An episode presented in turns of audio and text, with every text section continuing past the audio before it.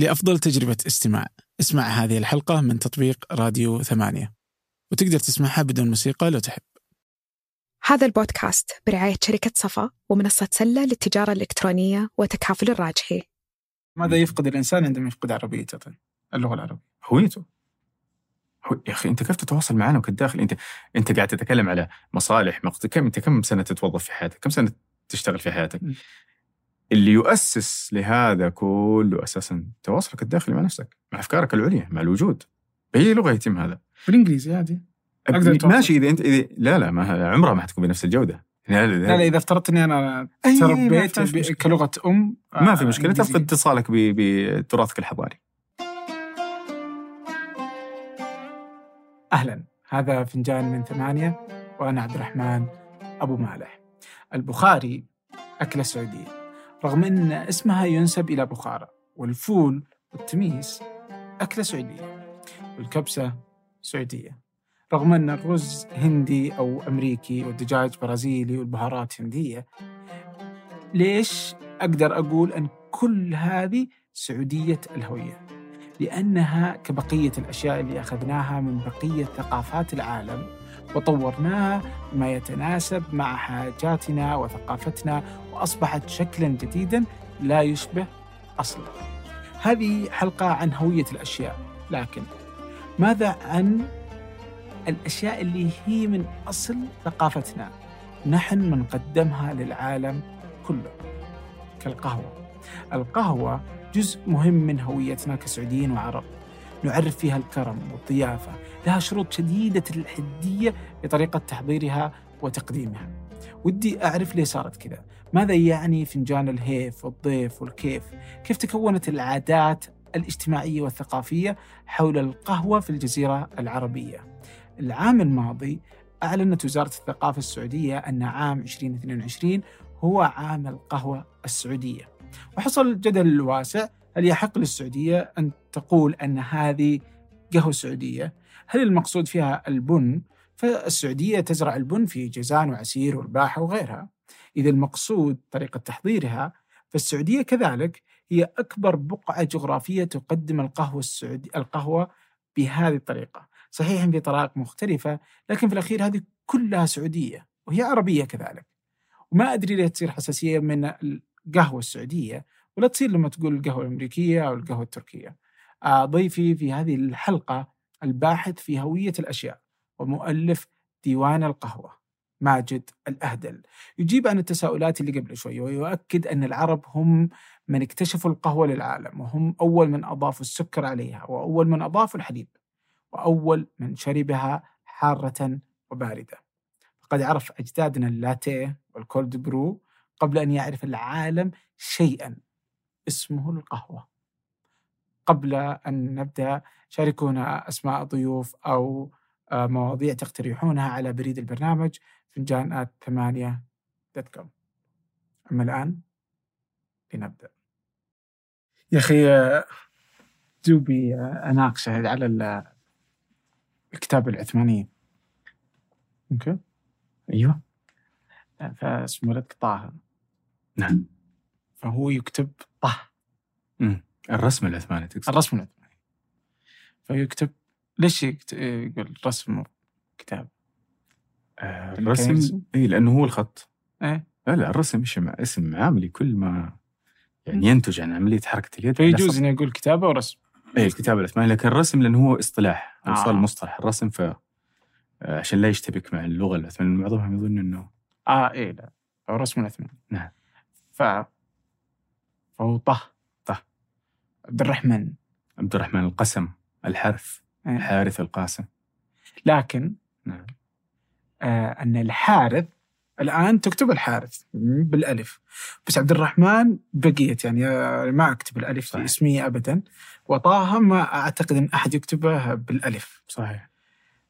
فوش اللي يخليها كذا؟ يعني مرة بألف مر- مرة مرة تستمر على الرسم العثماني ومرات آه تخرج عن الرسم العثماني وترجع صحيحة؟ هل يجوز ان يقول إنها صحيحة؟ اللي هي الكتابة العادية؟ أي صحيحة. هذه الصح. ما أشوف هو ما, ما في صح. الاستعمال راح على إيش؟ يعني ترى في مدرستين في الاملاء يعني هو كاكثر من مدرسه لكن في مدرستين. في المدرسة اللي هي إنك تكتب ما تنطق كان عليها الشيخ حمد الجاسر كان يكتب ليلى وموسيقى بال يعني يقول لك ما في فرق بين الممدودة والمقصورة. آه. في ناس يقول لك أثبت ما تنطق الكتابة العروضية اللي هي الأصوات كلها تكتب. الشدة تكتب يعني مثلا انت تقول آه سماء تثبت النون حبيب لكن هذه كتابة عروضية الغرض منها إنه أنت تقطع البيت الشعري عشان تعرف تفعيلات هذه تنتمي لأي بحر. لكن رسم قرآني هذا اللي متوارث حصل له تطوير يعني اللي إحنا قاعدين نمشي عليه هذا حصل له تطوير آخر 60 سنة. لكن ترجع لمخطوطة المصحف القديم نعم ما تثبت. ليش؟ يا أخي أسرع. الخفة لأنه تعرف عندك ندرة ورق وندرة حبر ثم خلاص في نوع من الاصطلاح يعني لو اصطلحنا اليوم على إنه عبد الرحمن بدون ألف اذا هي عبد الرحمن بدون ألف. فدائما أنا وأنت وصلنا إلى نفس النتيجة. عبد الرحمن عبد الرحمن كلنا بننطقها بنفس النطق. فما في إشكال لا مشاحة في الرسم. إلا. لا لا ما حد يقول عبد الرحمن إلى الآن. صحيح. بس إذا أنا صرت أكتب بأي طريقة إملائية فإذا اصطلحنا اليوم أنت على وقوتك. اي هذه. اكتب. أنت وقوتك. ليش في بعض يعني ليش ما تلاحظ مثلا يكتب الي هذه مدرسة المصرية في الإملاء. إي ولي ما. يعني ليش صار أنا أقول لك هذا؟ ليش. مو بإلي المغاربة. الي علي. لا لا علي أكتب على علي. ولا علي؟ في فرق بين الثنتين. هي الم- المدرسة اللي أنت قاعد تأخذها بعد ما صار عندك مناهج وقواعد مقننة. قبلها كان الموضوع على شيوع الاستخدام، يعني قبل دخول الطابعة وقبل كانت ال- الفكرة إنه أنا أفرق بين هذه وهذه وإيش الأكثر؟ الياء ولا ال- المقصورات؟ الأكثر الياء في الكلام في الرسم. آه. فأنا أقول لك اختصارا اللي ما فيها حط لنقط لأنه أقل. إلى على أقل. لكن اللي فيها ياءات كثير كثير في الكلام فبدل ما أنا أقعد أنقط كل كلمة فيها ياء أحذفها صار عندنا هذه مدرسة في الإملاء لما صار الموضوع أبسط ولا تحتاج لحبر ولا غيره نعود إلى المدرسة اللي هي الأصلية إنه المقصورة مقصورة بدون. والياء عليه تحتها نقطتان.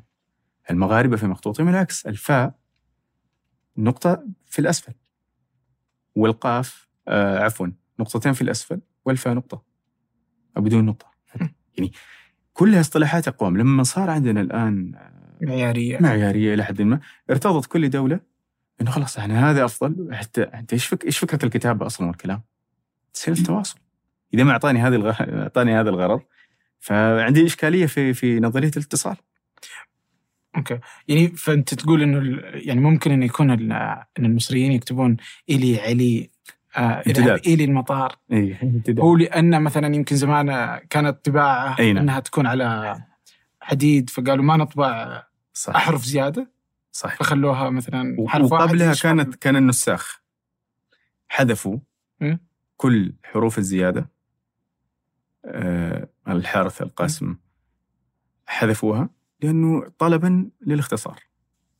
بس على نقطة أن التواصل آه آه اللي إحنا نتفق عليه الهدف من اللغة هو إيش؟ التواصل. الهدف الأساسي نعم. بس هذه السيولة يعني مرة أحس إنه تقوله بس بكرة لو شفت واحد كتب آه، لكن وحط لا ألف. كاف زعلان. بتزعل أنت أنت زعلان؟ حبيبي. لا لا أحس أنا بك- حقول أنت حت- أنا حقولها طيب. ليش؟ وخلاص هو وصل لك الفكرة إنه قال لك؟ يا سلام. يا لكن سلام. يا سلام. زي زي مثلا أنت ما تقدر تحضر مجلس في أو اجتماع في مجلس الوزراء وانت لابس ترنج يعني كل مقام لغته وهيئته له الان اللي يمثلك إيش أنت اليوم أنا ما مثلا ما أعرفك ما يمثلني إلا مظهرك صورتك. واللي يمثل داخلك وأفكارك طريقة كلامك ولغتك. أو مكتوبك إذا كنت غائبا عني هذا لازم ماشي أنا حفهمك حفهمك لو جيت تكلمت معي بعامية ولا حتى بلهجة حفهمك.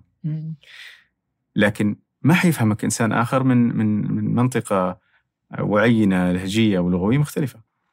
فلازم في معيارية، المعيارية لابد منها. حتى المعيارية قد تختلف في بعض المناحي فتلاقي إنه جهود اللغويين توجه إلى إنه نتواضع على شيء ونصطلح على شيء، لأنه تبى تخدم إنه هذا القمع يخدم مساحة واسعة جدا من الناس.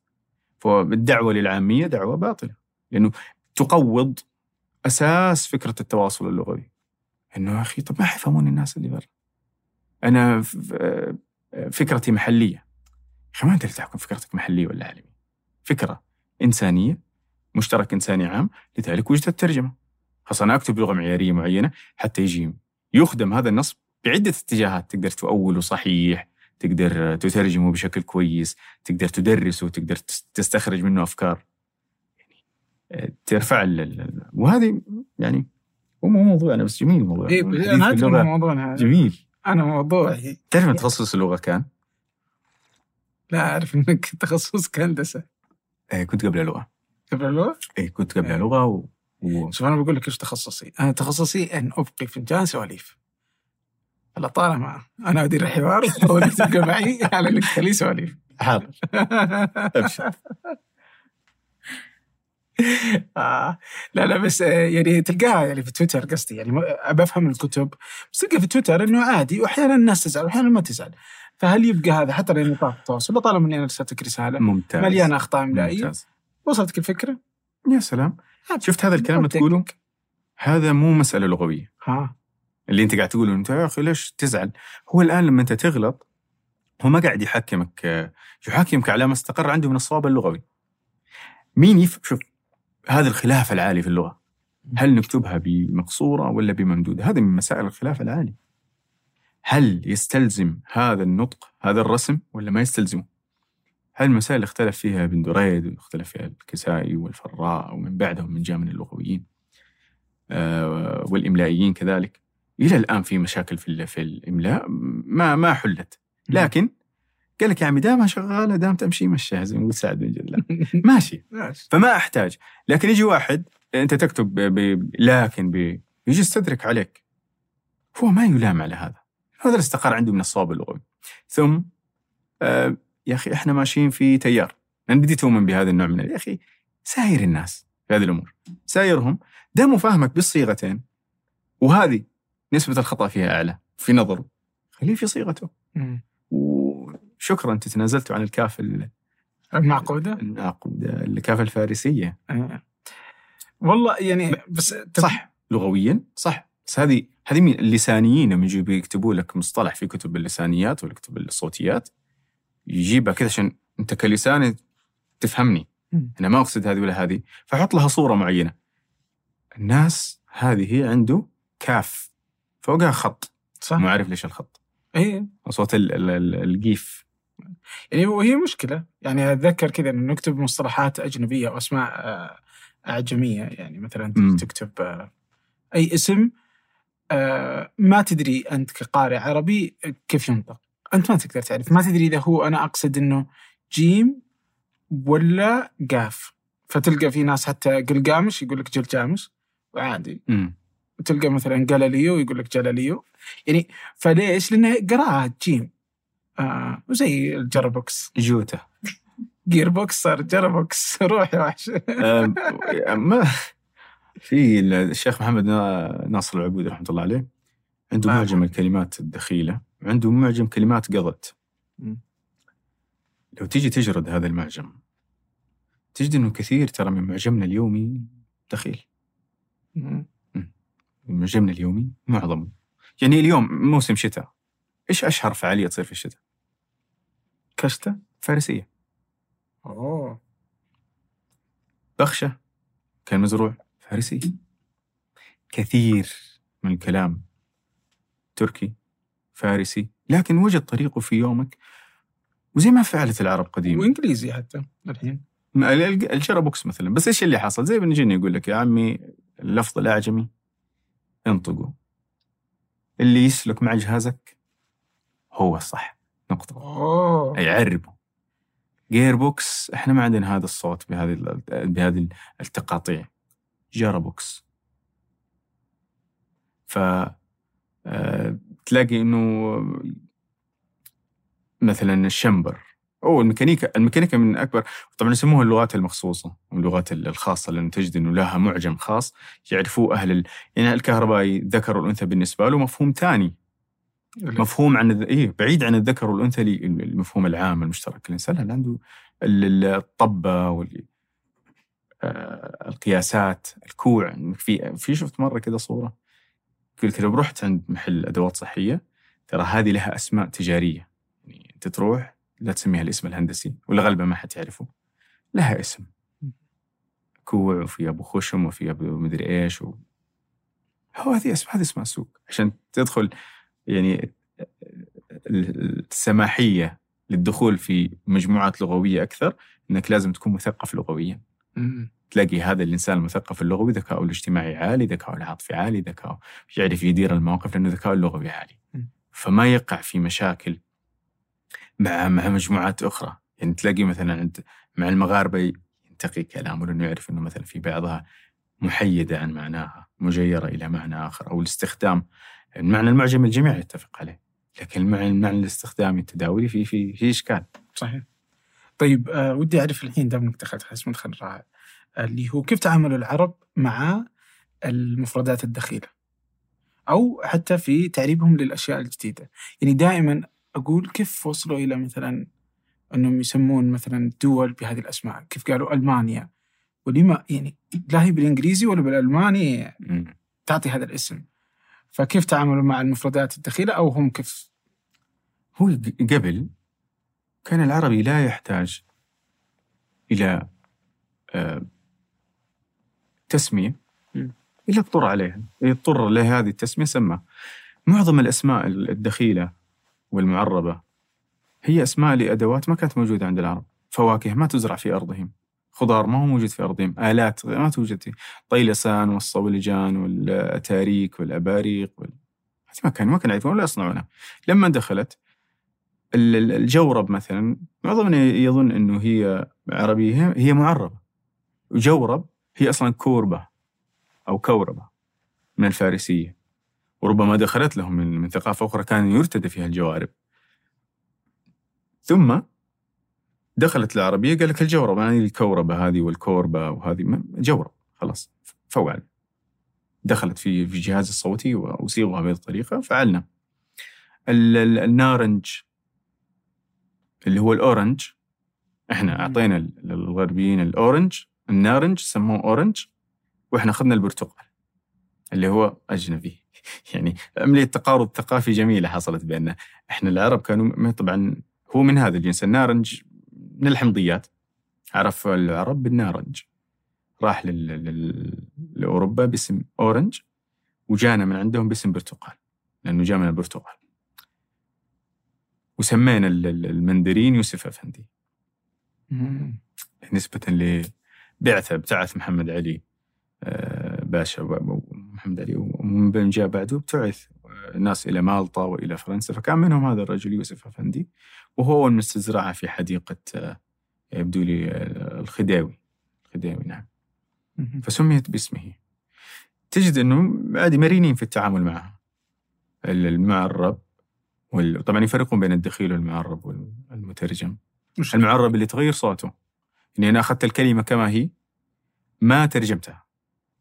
يعني أخذتها عربتها مثلا الجورب. هذه معربة أصلها دخيل نعم. طبعا في هذه الإشكالية أنه ي- بعضهم يقول لك المعرب والدخيل واحد وبعضهم يقول لك لا نفرق بين الدخيل والمعرب. شيء اللي دخل صوتا وبقي كما هو دخيل. المعرب هو ما, طرأ عليه نوع من التعديل والتكييف على مقتضى آه، صو أصوات العرب اللي ينطقون بها. يفرقون طبعا حصل خلاف. هل في القرآن دخيل؟ هل في القرآن معرب؟ إلى آخره. طبعا فريقين يعني آه، يختصمان في الموضوع. طبعا فيه على وفق نظرية أنه التقارض بين لغات حية موجودة في نفس الإطار. في ناس تقول لك لا كل هذه اللغات اللي أخذ منها القرآن هذه اللفظات هي تعود إلى أصل عربي واحد اللغة العربية الأم. فبهذا الاعتبار لا يعتبر هناك دخيل ولا يعتبر هناك معرب. طبعا هي نظرتين بس مستويين من النظر في هذه القضية.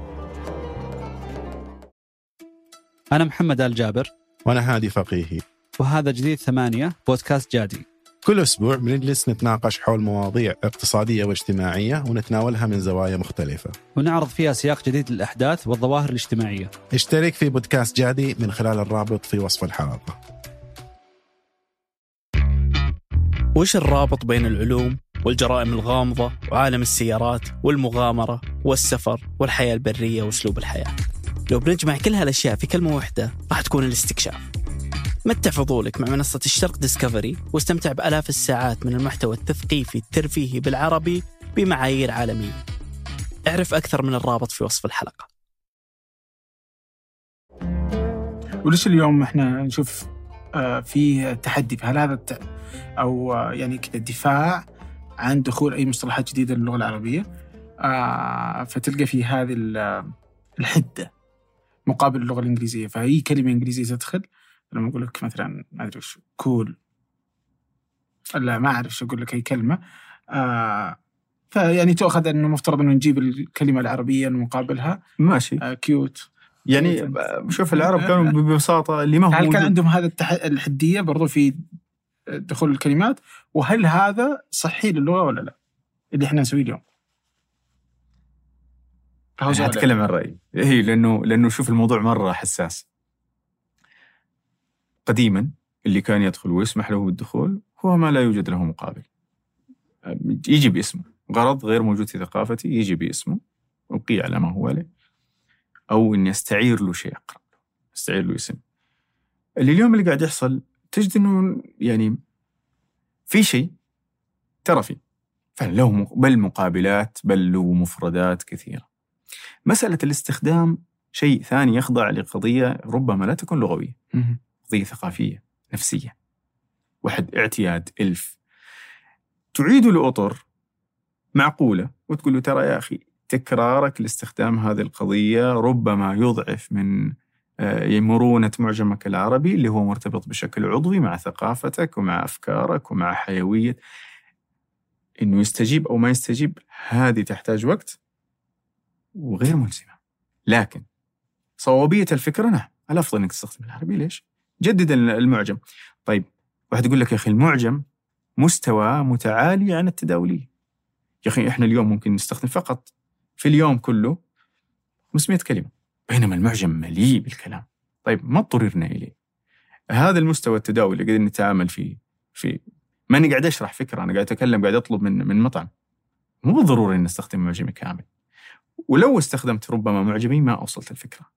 فتيجي تلاقي أنت تبغى تكون متوازن بين إني توصل الفكرة وبين إنه آه، أكون أمثل ثقافتي وهويتي وبين إنه أنا آه، ما وجدت مثلا آه، مرادف. وبعضهم يا أخي وصلتني هكذا.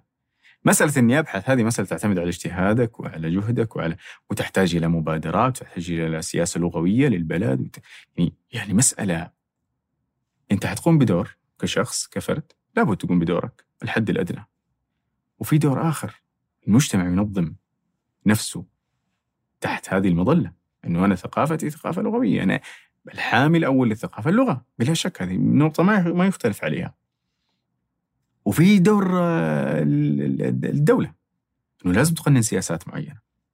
ليش ما تسمح مثلا في الوزارات تس- تخ- لغة التخاطب ما تكون بغير العربية؟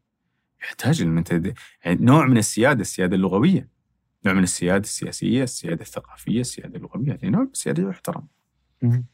آه هذا السؤال الأول. السؤال الثاني. فهو فإحنا فأنا أقول لك إن في هذه الحدية. فأنت قبل شوي تقول على النطاق الفردي لك دور، وش الدور؟ فهو مفترض إن أنا طالما إن إحنا جالسين نتكلم خليني أتكلم بال... بالدارج والسهل واللي أنا افهمه وأنت تفهمه وعادي. يعني اليوم أنا لو أقول لأمي group WhatsApp تقولي شوف اللي ارسلته في ال group اليوم. أي. عادي. وهي كلمة؟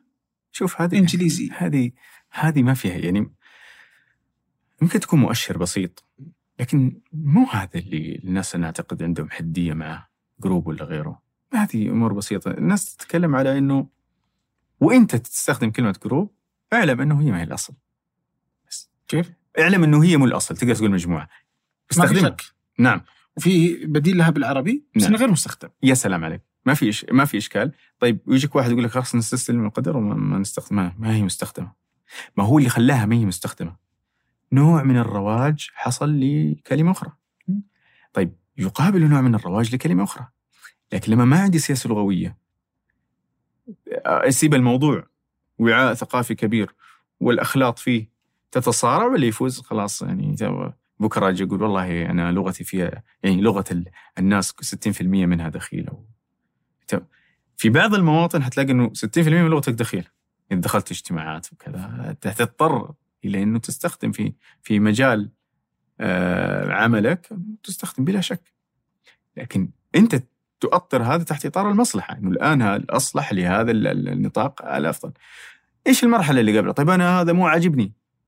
لا لا مو انت انت الآن في مساله مو هي لغويه، مسألة معيشية، انت قاعد تعيش اشتغل بل ادرس وتعلم ترجم وخلك أفضل ما يمكن في أي لغة ثانية. مع إقرارك لأنه هذا هذا أنت ما تقدر تصلحه كفرد. هذه مشكلة مجامع علمية، مشكلة سياسات لغوية لدولة. طيب حركة التعريب، حركة ال- التأليف في مسألة اللغة، حركة دراسة أساسا واقع اللغة المعاشة ما حاصل، فيجيك الواحد يتحمل حمل الأمة كله على نفسه ويقول لك يا عمي الدنيا قاعدة تفك مني. أنت على مستوى شخصي خلك آمن إنه لغتك هي هي رسولك إلى تراثك. ما راح تستطيع فهم تراثك وثقافتك وتراث المنطقة حتى المحكي ما تستفهمه بدون لغة آه، مؤسس لأن هذا هذا إفراز للغتك القديمة. م. لكن برضو لا تحتقن.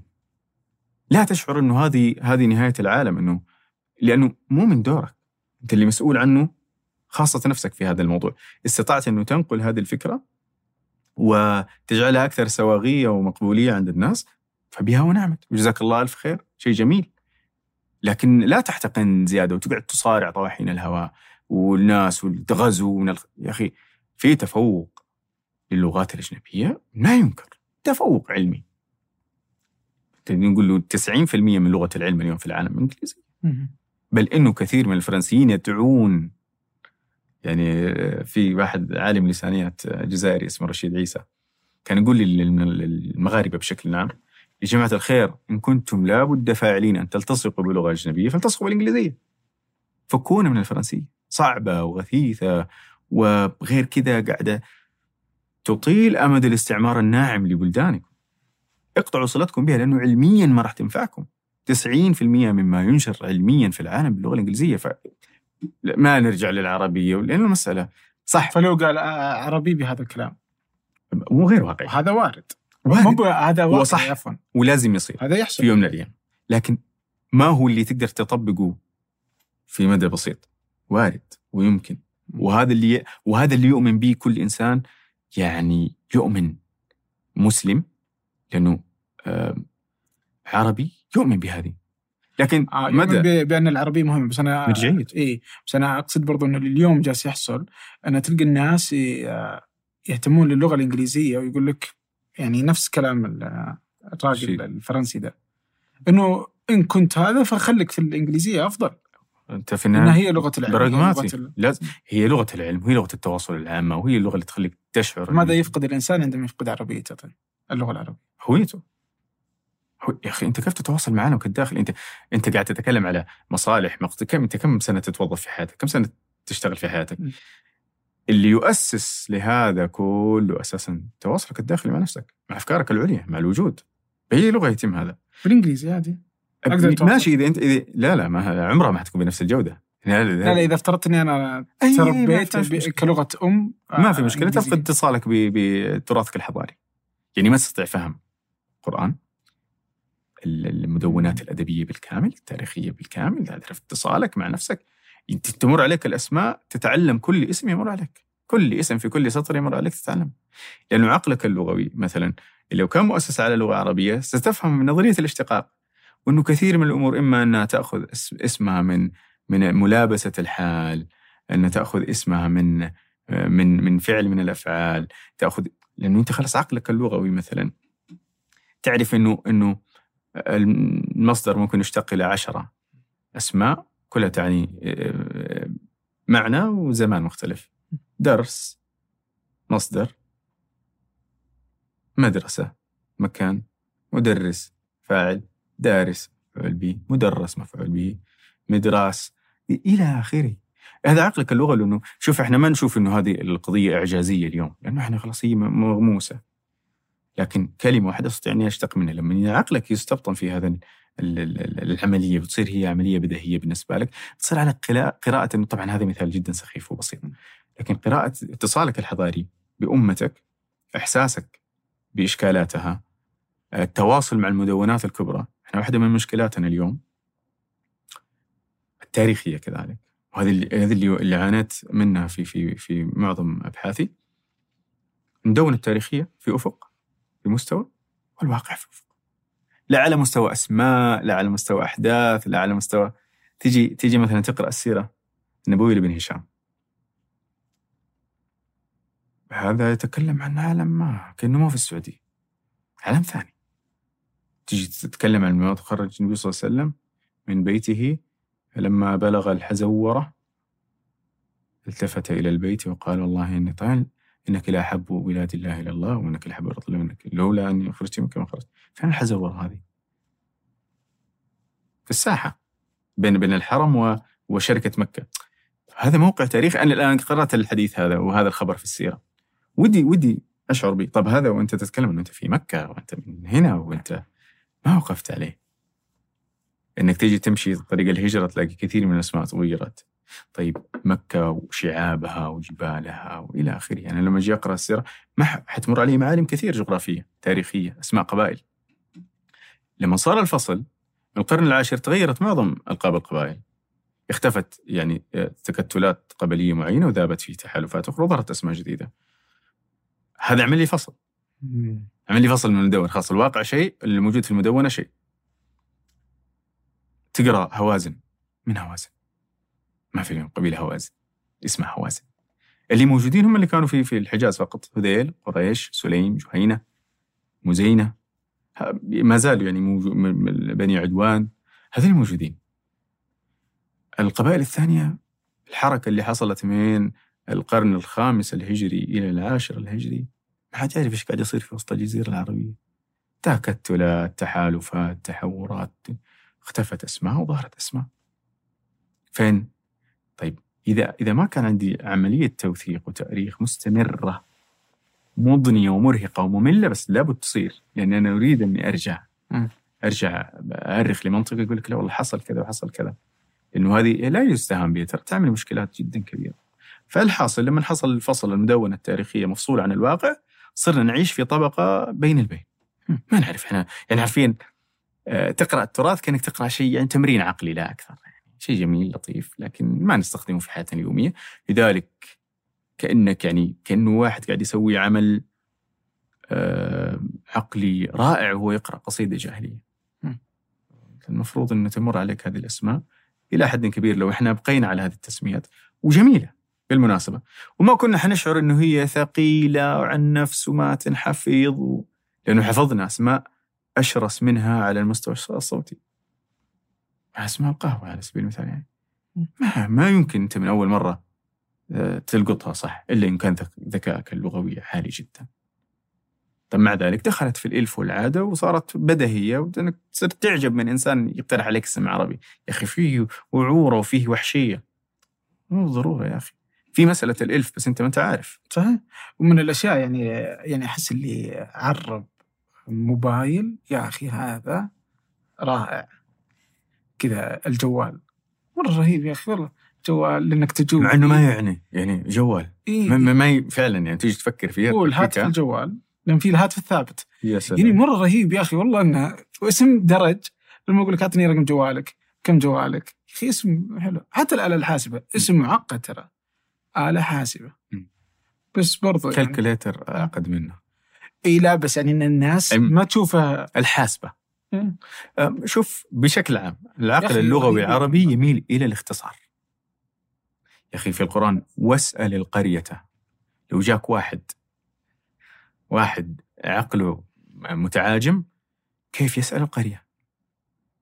كيف يجي واحد عند قرية جماد ويسأل القرية؟ واسأل أهل القرية.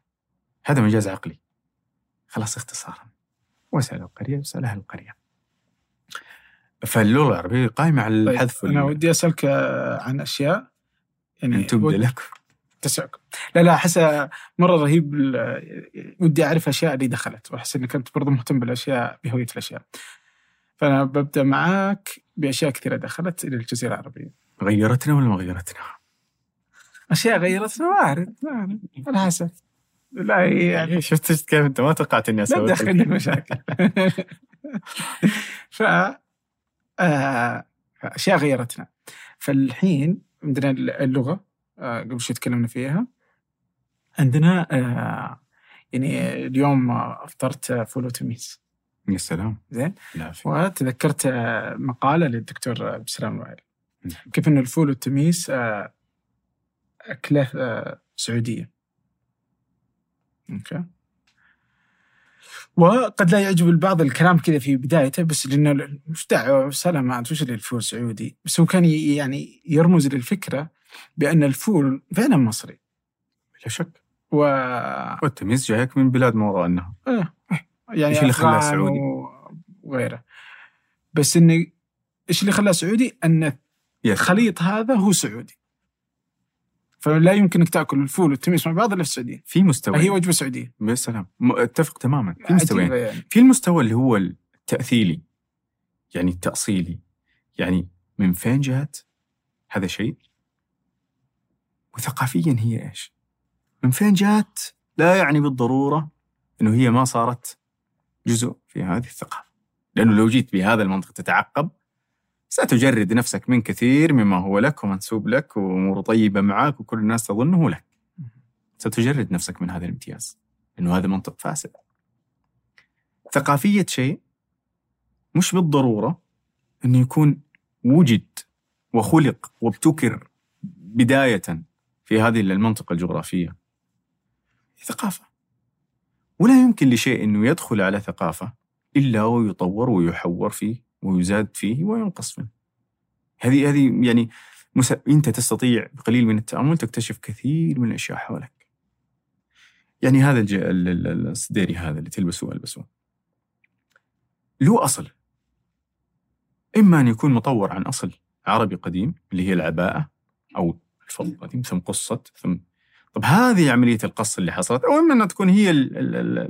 ال... ال... السوت أو الجاكيت نفسه بس نفسه أي الفست نفسه وقص لأنه في يعني في اللبس الأجنبي فيه نعم يلبس نعم طيب. السوت الآن أقدر أسميها تأصيليا تأثيليا لازم أعيدها إلى نقطة قبل ثقافيا ما حد يلبس على الثوب. وهل هي سديري نسبة السدير ولا ص- سديري بهي الصدرية؟ الله أعلم يعني صدق دائما فكرت فيها كثير يعني هل هي أصلا صد... صدرية؟ صدرية هي الأصل صدرية صدرية يعني ما هو بسديري لا سديري م- يمكن صوت حق تحريف آه. يعني تحريف صوتي قلت. يمكن السديريين كانوا يلبسونها كثير فنسبوا والله يستاهلوا يعني ما- يعني صدق. إذا هم مبسوطين بهذه الحقيقة نجعلها حق آه. بأس يعني ففعلا يعني ف... ف... فمثل هذه الآن بهذا الاعتبار ثقافيا هي تروج. إحنا ليش مستعجلين نجعل كل شيء يعني ينتمي لنا أو لا ينتمي لها؟ يا أخي ال- الحدية هذه تجعلني أخسر كثير من المنطقة الرمادية اللي, اللي أستطيع من خلال تطوير الأشياء. وانها تأخذ نموها داخل ثقافتي وتجد تموضعها الصحيح داخل ثقافتي. يعني مسألة سعودة الأشياء ومسألة نافية السعودة عن الأشياء.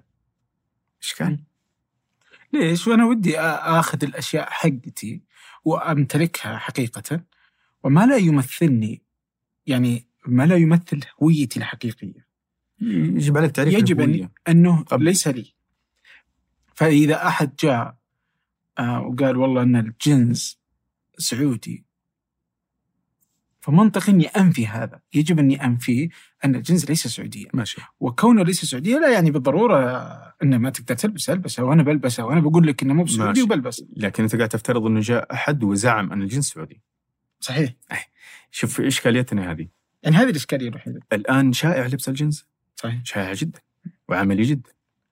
أم، لكن لو ما كنت تعلم إنه أمريكا عاملة بروباغندا على مسألة الجنس وإنه يعني أمريكية الهوية تتم عبر أركان معينة منها الجنس منها البرجر منها ال... لما سهل عليك أن تنفي نسبته إليه. إليك إيه؟ آه. لا ما هو ليش؟ لأنه في في المقابل عندك قطب يتبنى وهو جزء من هويته فما راح فاهم؟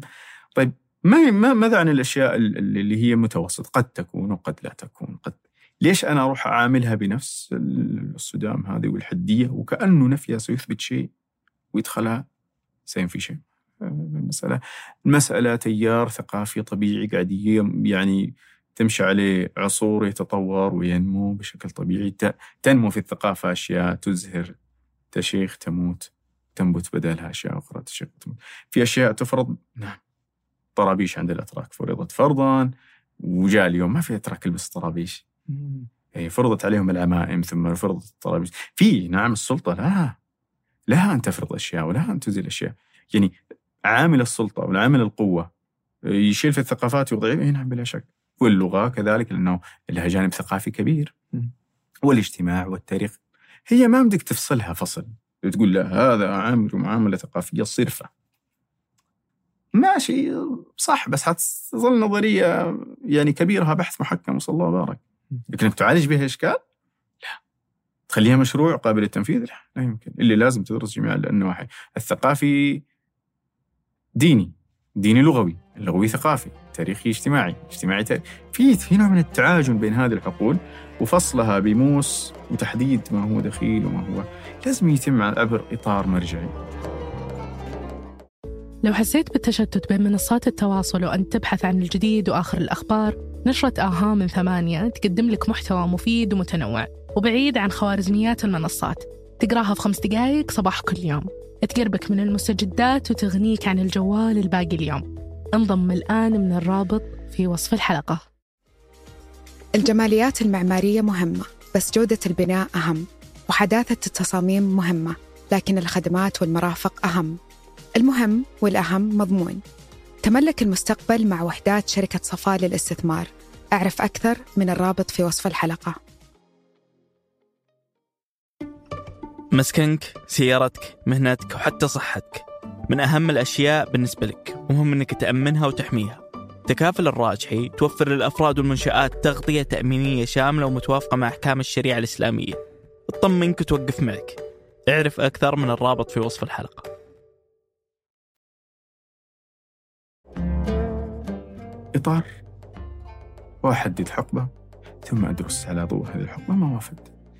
وكونه وافد أو دخيل أو أصيل أو المفترض أنه ما يحمل دلالة سلبية في البداية.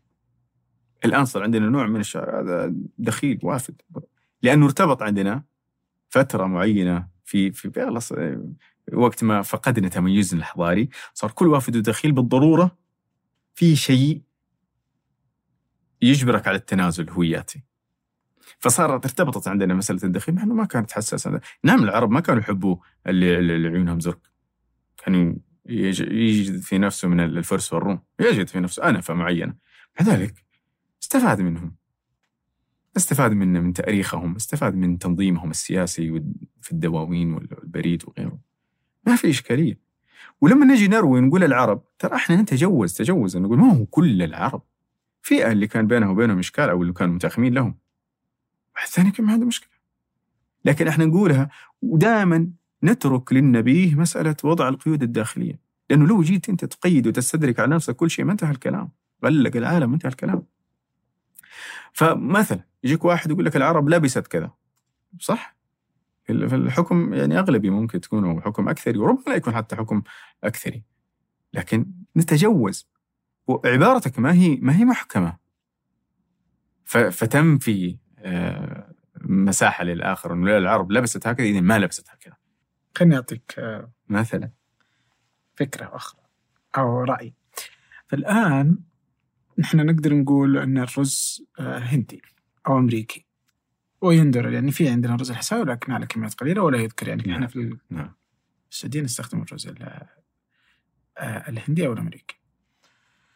لكن نقول أن الكبسة سعودية. نعم. ولما نقول أن الكبسة سعودية؟ لأنها تطورت بهذا الشكل فقط في السعودية. نعم. okay. والقطن فالعرب ما عندهم قطن ولكنهم استخدموا القطن فيما هم يريدون أن يلبسوا. فاستخدام المواد الأولية في صناعة شيء أنت ترغبه يجعل لك خالص. وفي أي شيء؟ آه، في مثلا العمامة آه، خليتها استخدمت بعض الأشياء أو استخدمت بعض الزخارف اللي تخليني اللي جبتها من أفغانستان ولا من أي بلاد ثانية. هذا يجعل اني أنا شفت شيء أعجبني. يا سلام. أنا اعدت وربما تطويره هم طاوعوا رغبتك وصاروا يصنعون بهذا الطريقة. ممتاز. والشماغ اليوم معظمه يصنع في تلقى إنجليزي أصلي ما أدري شلون يعني. وهذا لا يعني إنه إنجليزي. فهو سعودي رغم بغض النظر وين صنع. ماشي. okay؟ ف...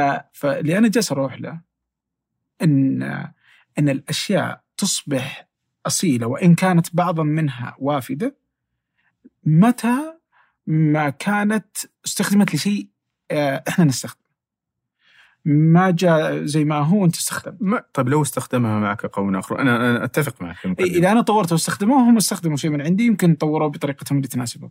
بس لطالما إنك أخذتها كذا زي ما يقولون as is كما هو ف...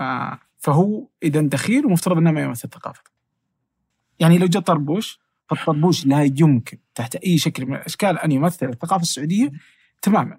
إلا لو كان يوم كان الطربوش عندهم جبناه وحطيته أفرض إنه صار إنه يلف على إنه راسي جات- ما أدري. جت يعني الحكومة وقالت طربوش يعمم. السعودية؟ مثلا. مثال مثال خ- يعمم الطربوش. صار ثقافة أنت كمؤرخ ثقافي حتقول إنه هو دخل دخولا في هذا وكذا.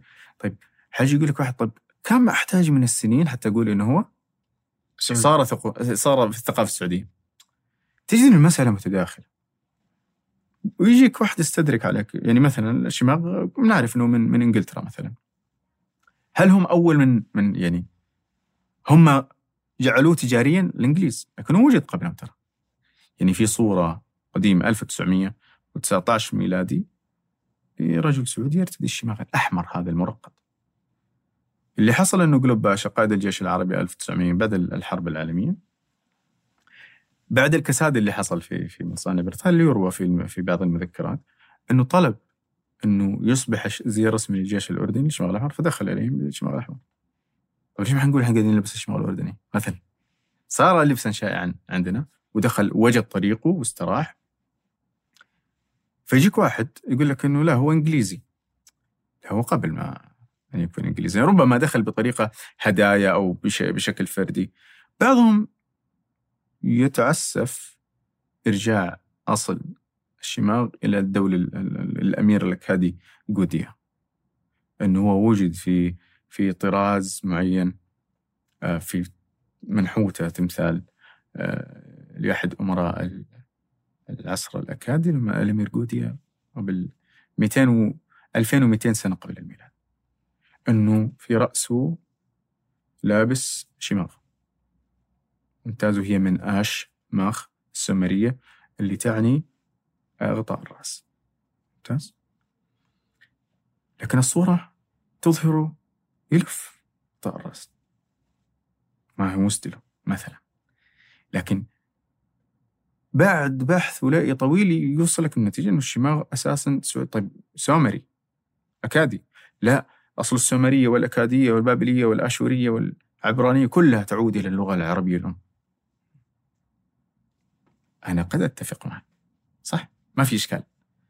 لكن شوف كيف تعاملك مع قضية عشان تجعلها رمز خلاك تروح لمناطق تعصب التمثال أنت أحلتني على التمثال التمثال ما في له ثم اللي قاعد تتكلم عليه كله ظني.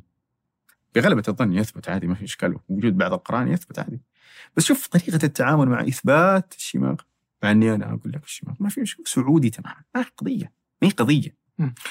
بس هل تقدر تتفق معي بأن الأشياء اللي تكتسب آه خصوصية خصوصية خصوصية صبغة جديدة تطوير معين؟ تنسب لأهل المكان بلا شك. يعني بلا شك. وما دون ذلك صعب إنه ينسب. هذا هذا معيار يعني أنت حطيت لي ضابط واحد. في بعضهم يقول لك يا أخي في أشياء قد تسمى سعوديه ولا ينطبق عليها الضابط مثلا. في بعض الأشياء تطيبنا مثلا بال- بال- بال- بالعود. يا أخي تقليد سعودي. تشاركك فيه كثير من الأمم؟ لكن مع ذلك بنفس الطريقة. كلهم على الجمرة يعني ما في أحد على الفرن. كلهم على الجمرة. تجد إنه ماشي. تروح تحط لي ضابط ثاني وضابط ثالث وما في إشكال في هذا. لكن مسألة الثقافي المتعاجن هذا مع الاجتماعي والتاريخي والديني مسألة وضع الضوابط عليه يحتاج لها نوع من الحذر لأنه مرة متعاجنه المسألة. طيب آه وش ال ال ال الوجبة العربية الخالصة؟ اللي من جزيرة العرب. يا أخي هو, هو, هو. ممكن هو ممكن فلسفيا تقول اللي كان يزرع وينتج عندهم العصيدة هي الله يفرح ترى العصيدة من الوجبات اللي عرفها الإنسان القديم وإلى اليوم مستمر العربي القديم عرفها إلى اليوم مستمر الثريد مم. طيب اليوم وين العصيدة؟ شوف لها أكثر من صيغة ثريد وين؟ أتوقع أن في ثريد في في ثريد نعم اللي هو. اللحم يبقى المرق الخبز يبل.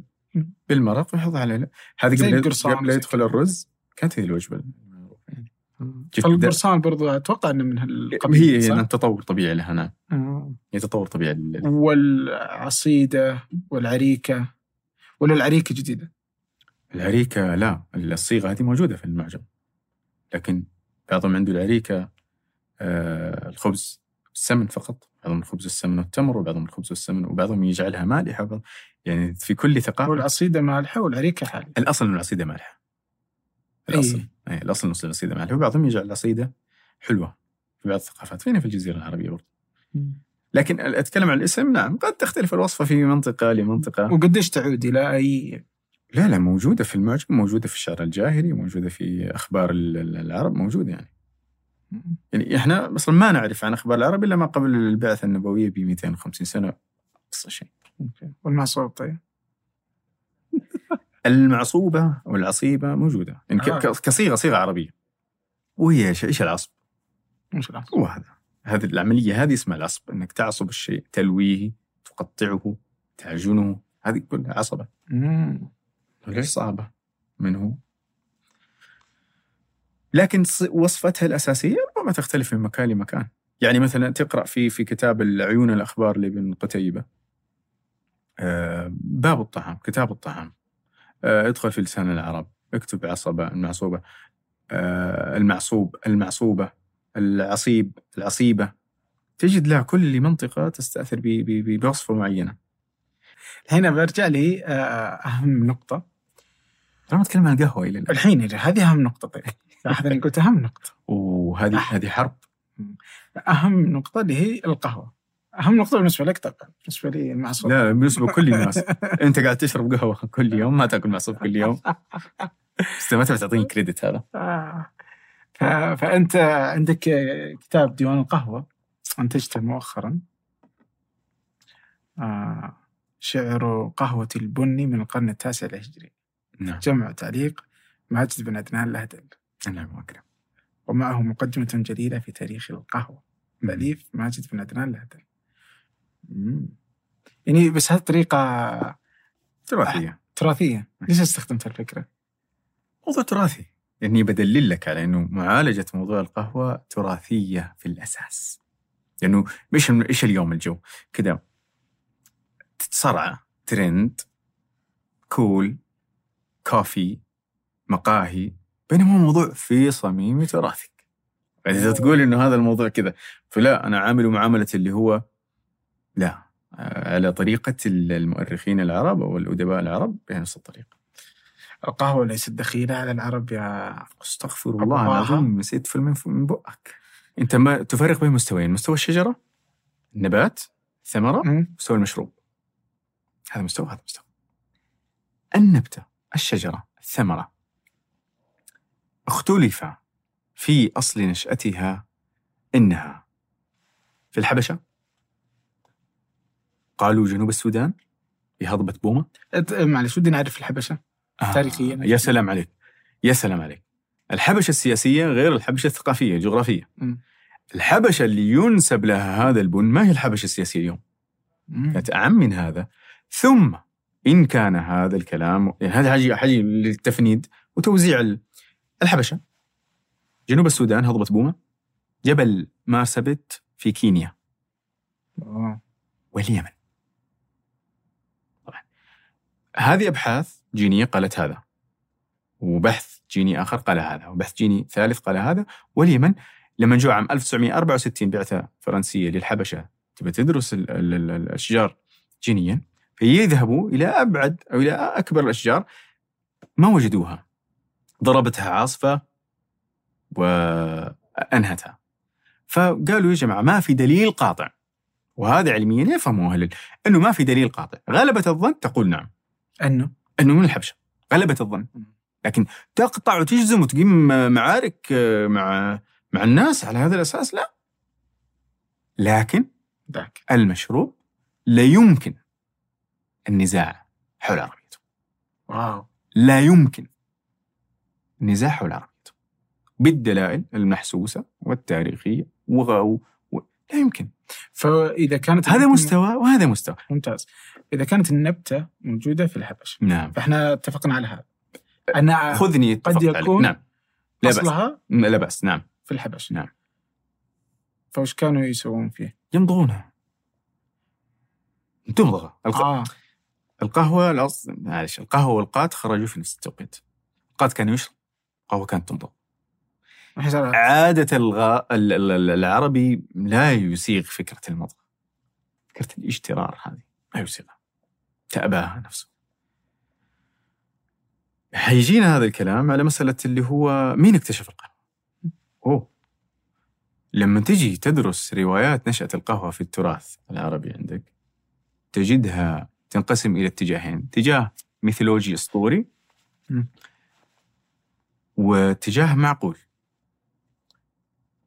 هناك من يقول إنها الجنة الأصل. إنه الجنة هي الموطن الأصلي لل... ليش؟ علوان الحموي توفى عام 936 له رسالة اسمها السر المكنون في مدح البون أو في فضائل البون. يروي عن أبي القاسم المشرع الجنيد توفى عام 917 يقول له هجري هجري. أنت بتستخدم الهجري؟ كله تراثي نعم. إذا احتجت ميلادي قل لي. لا لا. فانه هي أهبطت مع آدم عليه السلام لما أهبطه الله للأرض تسلية له. بعدين يقول آه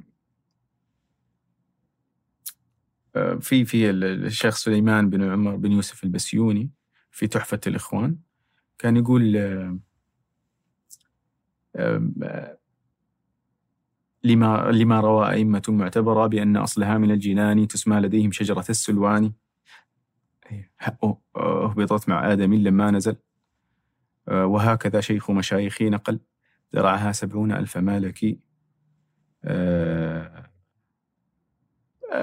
كان كان له أرجوز اسمها تحفة الإخوان فينقل هذا. الرأي طبعا أشع له أصل. مسائل يعني الأمور هذه غيبية كانت ينص عليها. آدم عليه السلام ننزل نزولا نجي لمسألة داود. ملك داود في العبرانية. داود عليه السلام.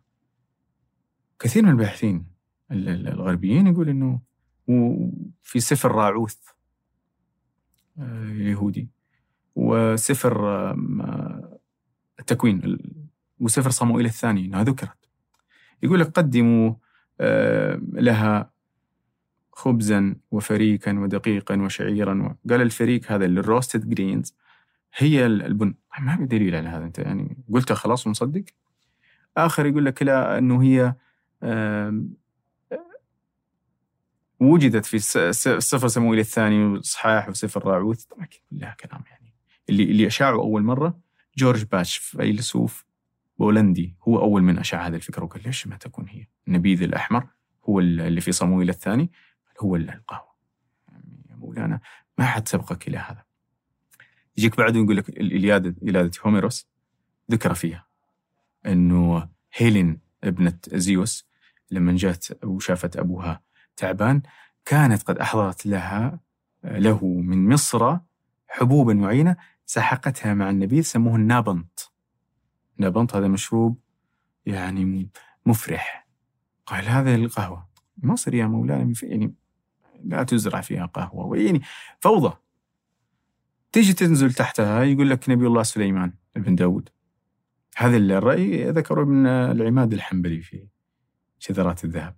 يروي عن محمد الغزي أخو نجم الدين الغزي صاحب الكواكب السائرة. يقول أنه نبي الله سليمان لما في إحدى رحلاته ونزل على قوم نفس القضية.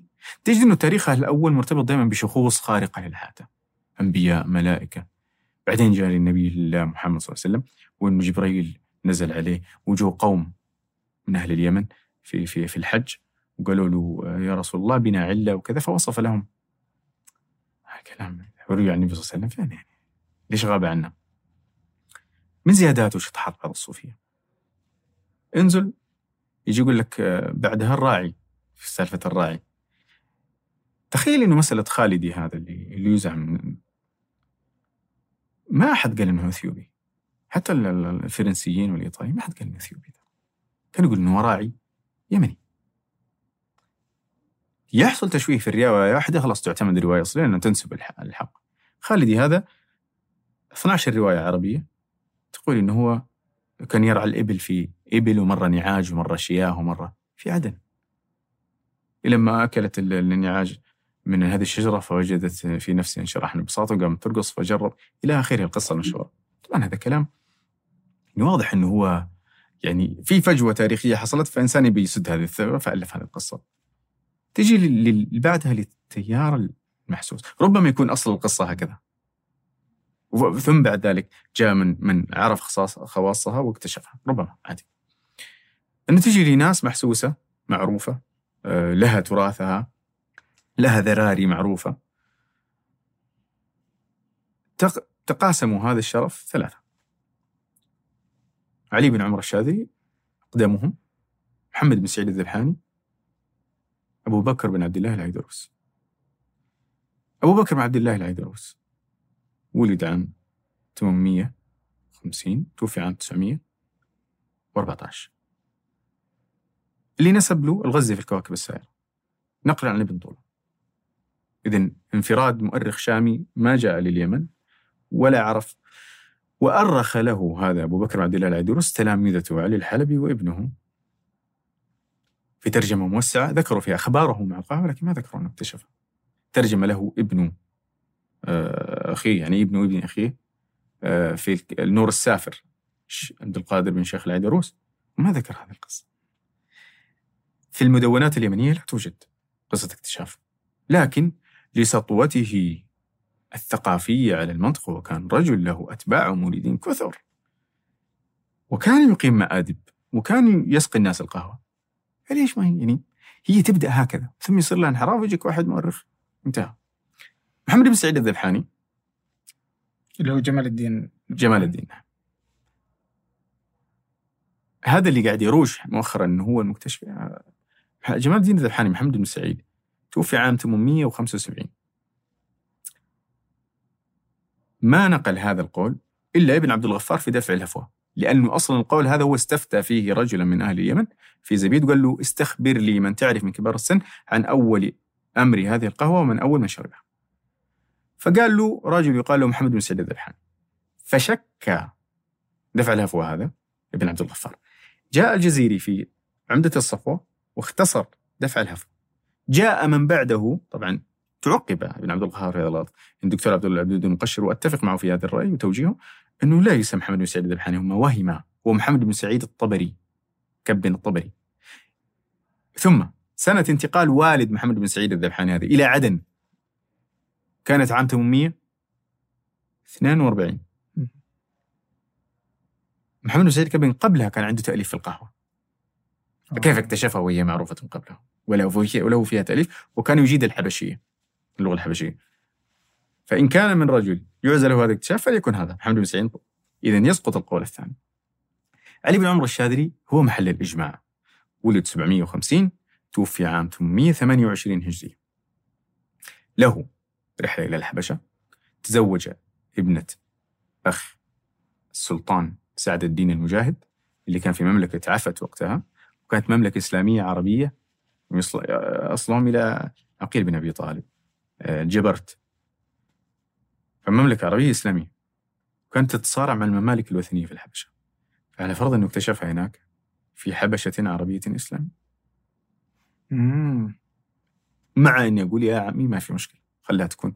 هذه النبتة ما عندي جدال في هذا. أنا الآن ما أبغى أقول نبتة عندي واجادل في في قضية ربما. يجيك واحد يقول لك لا هي طب قبل الحبشة كانت تزرع المشروب إحنا نبغى نمسك الشغله اللي اللي اعترف لنا العالم فيها مؤسف اللي نقول الكلام ده.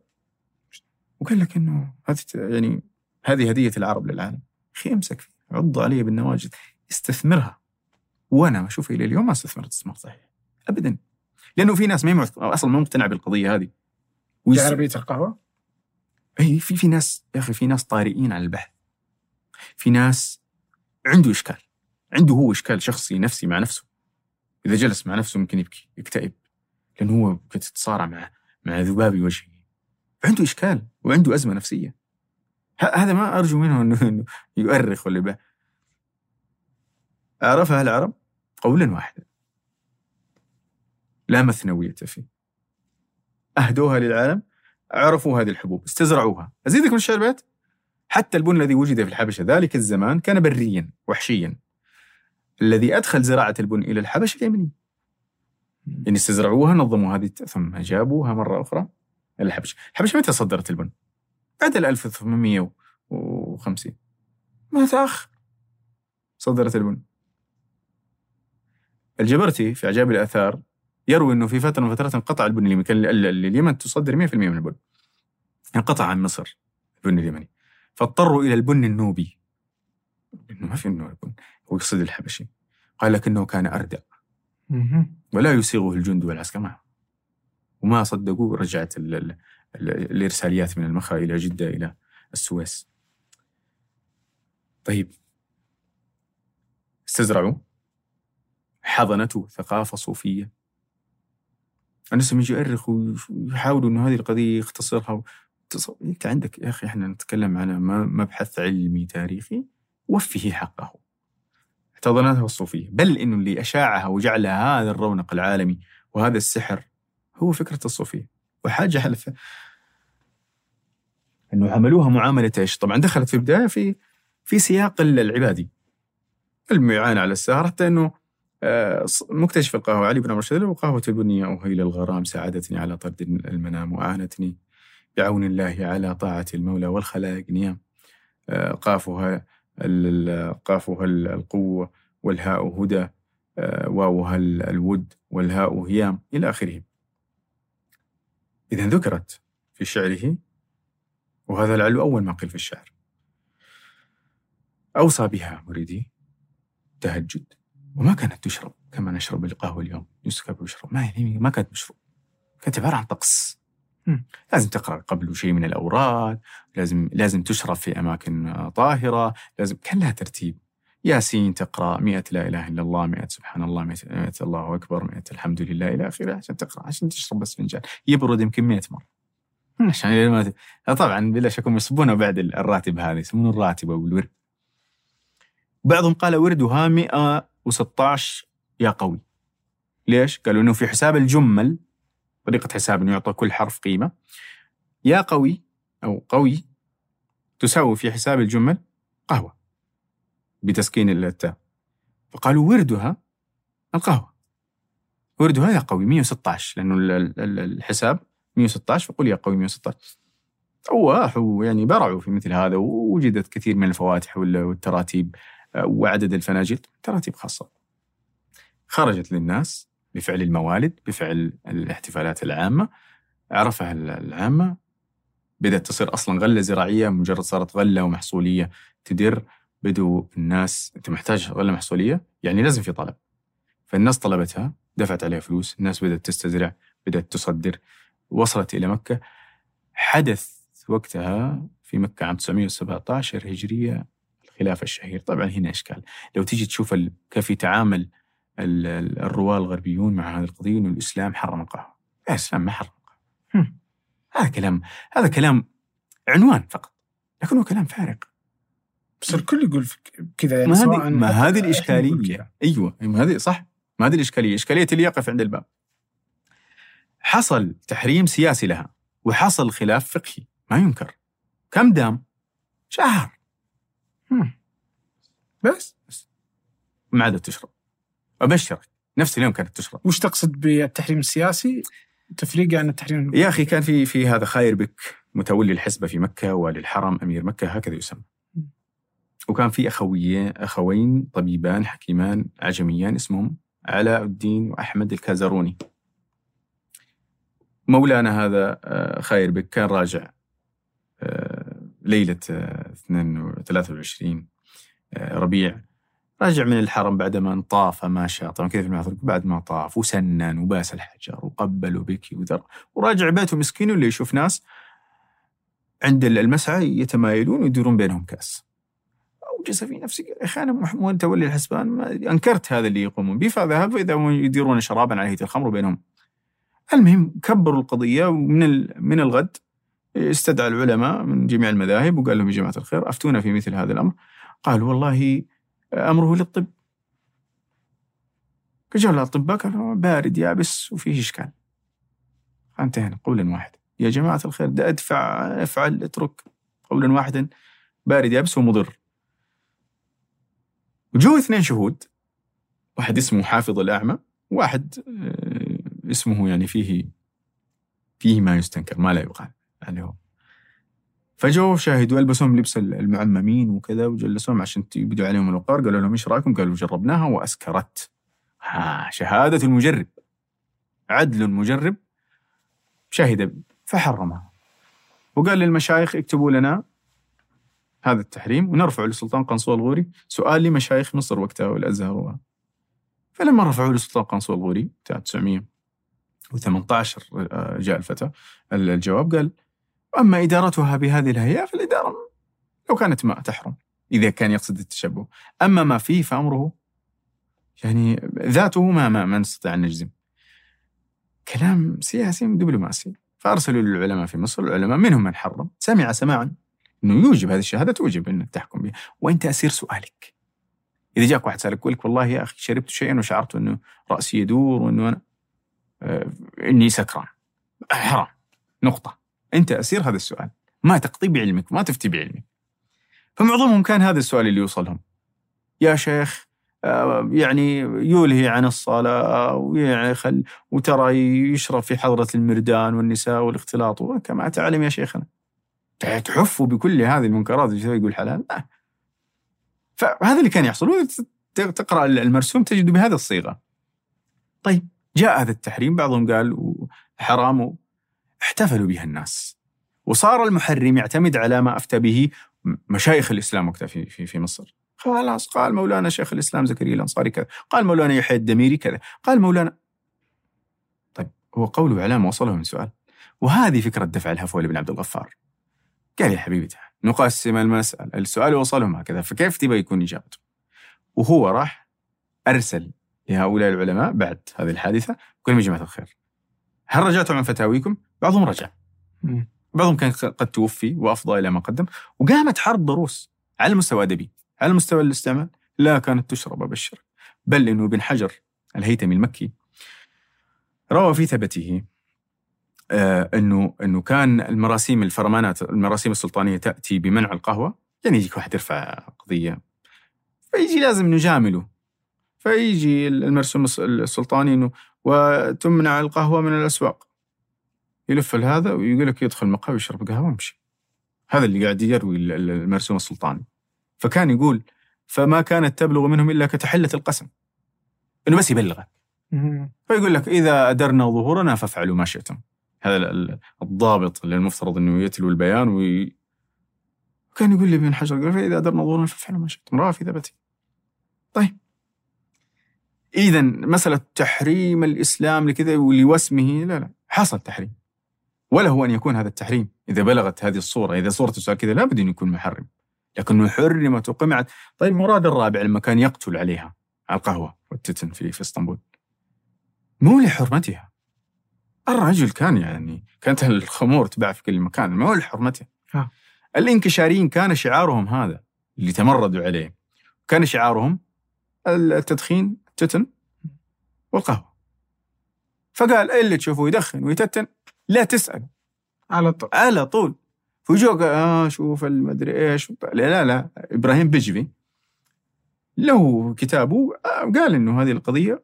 وقال مرة منعت لأنه حدث حريق في بعض المقاهي أدى إلى التهام أحياء كاملة في إسطنبول وقتها فحصل منع لما ما تعرف هذه الدوافع خلاص أنا بضرب سمعة معينة بضرب الإسلام بضرب الأتراك بضرب كذا سهل. كل واحد يستطيع يعمل اللعبة هذه. حقيقة ما حرمت في سؤال جميل. اخذ راحتي بس طبعا أنا عندي قل لي. بس آه، بدي أتذكر سؤالك اللي تبغى تسأله نفسك آه وتجيب عليه. بس أنا عندي سؤال. الحين وصولها إلى مكة. نعم. و فهي وصلت بدأت سالفة التحريم؟ لا لا لا. طبعا هذه واحدة من الأشياء اللي أنا تعقبتها على كثير من المؤرخين. هم يقولوا أنها وصلت 900 وأنا أرى أنها وصلت 800 يعني إلى مكة. يعني قبل مين مين اللي يعتمد على الكلام؟ يقول ابن- عبد الغفار يقول إنها وصلت قبل ال 900 بسنوات. بس ما حدد. وجدت خبرا وليش أنا أقول لك ان مقدمه جليله؟ واحد يقول لي يا أخي تقول مقدمة جليلة؟ قلت فما اللي سمعتها. احدهم طلع المستودع وقال لي هذه مقدمة جليلة.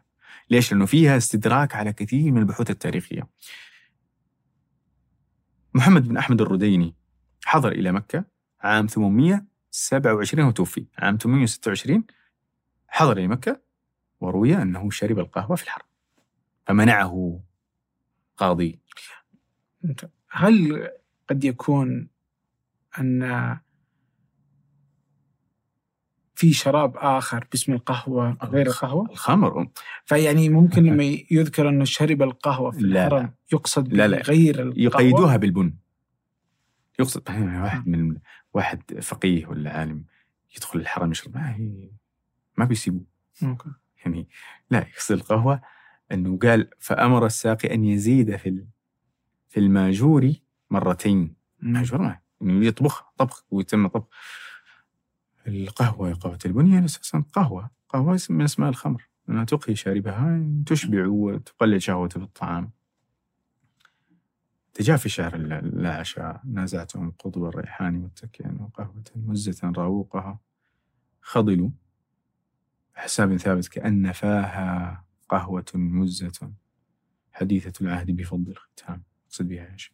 أقصد بها الخمر الخمر آه وليش أختير لها ال- ما يعرف لكن لأنه أصلا ال- الصوفية كان عندهم آه، نوع من التواجد على هذه الخمرة فكانوا يذكرونها كثيرا في أشعارهم الخمرة. الشمول الخمرة السلاف تشيع. لكن لما يبدو لي وجدوا من خاصيتها أنها تقهي عن الطعام فعلا فاختاروا لها يوم وصل مكة متى حرم؟ أول أول يعني مشاكل التحريم. 917 917 نعم هجري.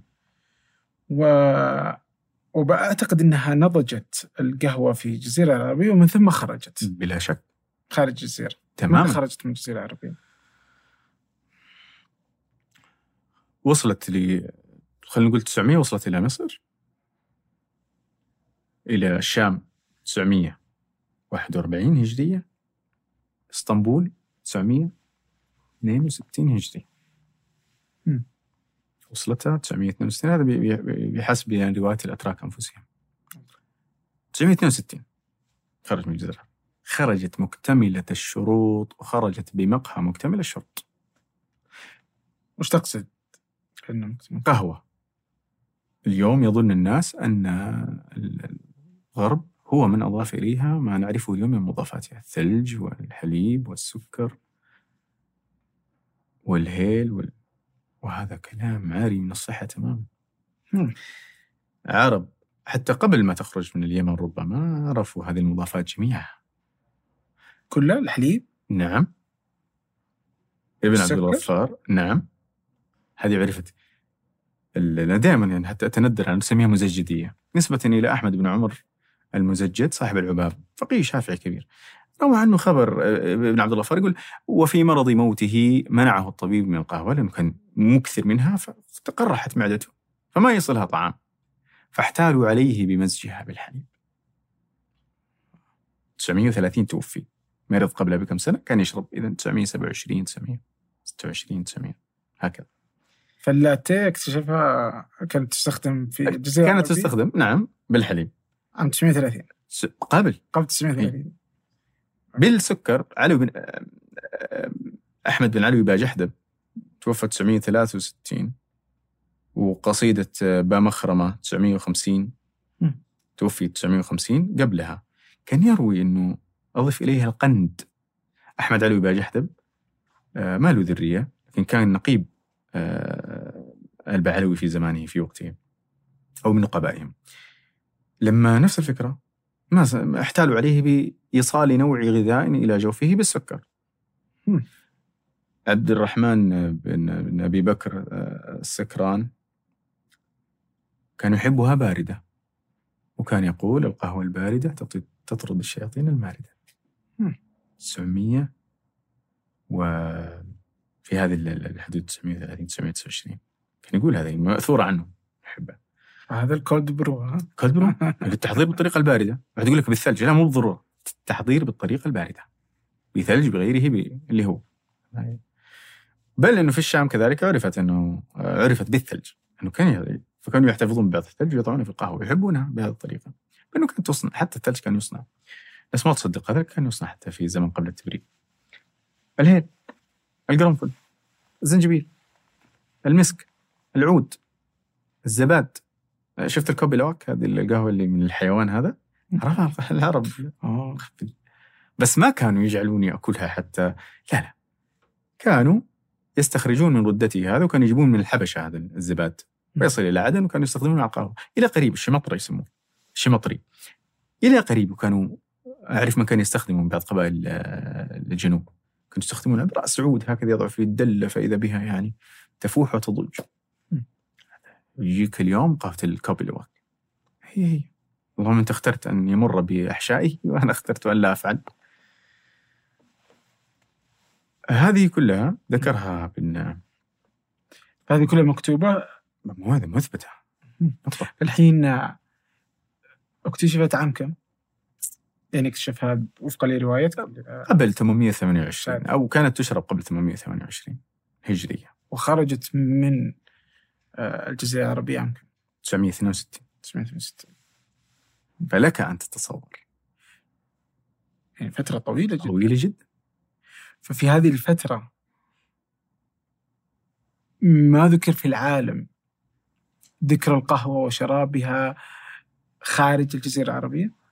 مر بعض الرحال راولف مثلا مر عام 983 ب- ب- بالعراق و وبحلب عفوا وقال إنه إني وجدت هذا ال- ال- البن يشرب فيها وكذا. يعني وصل الخبر لكن كانت وقتها قد وصلت إلى إسطنبول. يعني في من رأى ومن سمع لكن ما كانت بالانتشار العولمي اللي قاعدين نشوفه اليوم. يعني إذا جاء في حواضر كبيرة ربما يراها يرى بعض مقاهيها يرى بعض الناس يشربونها. مش بالضرورة يعرف ما هي حتى يصفها. مهم. وإذا سال وكان من اللي اللي كان عندهم هذا الحس الفضولي ربما يعرف. راولف منهم. فهي اكتشفت وتطورت وتبعت بدرجات الحمص. نعم. العلامة حمزة بن عبد الله الناشري توفى عام 926 له قصيدة طويلة. اسمها جلب الزبون في مدح البون. البون ترى هو كان اسمها الأساس اسم البن. واحدة من الأسئلة اللي تخليني أرجح كون ال- الثمرة عرفت في الحبشة هي إنه اسمها البون. إحنا اختصرناها بن. البن. طيب البن وجد في الثقافة العربية كلمة البن موجودة. نعم.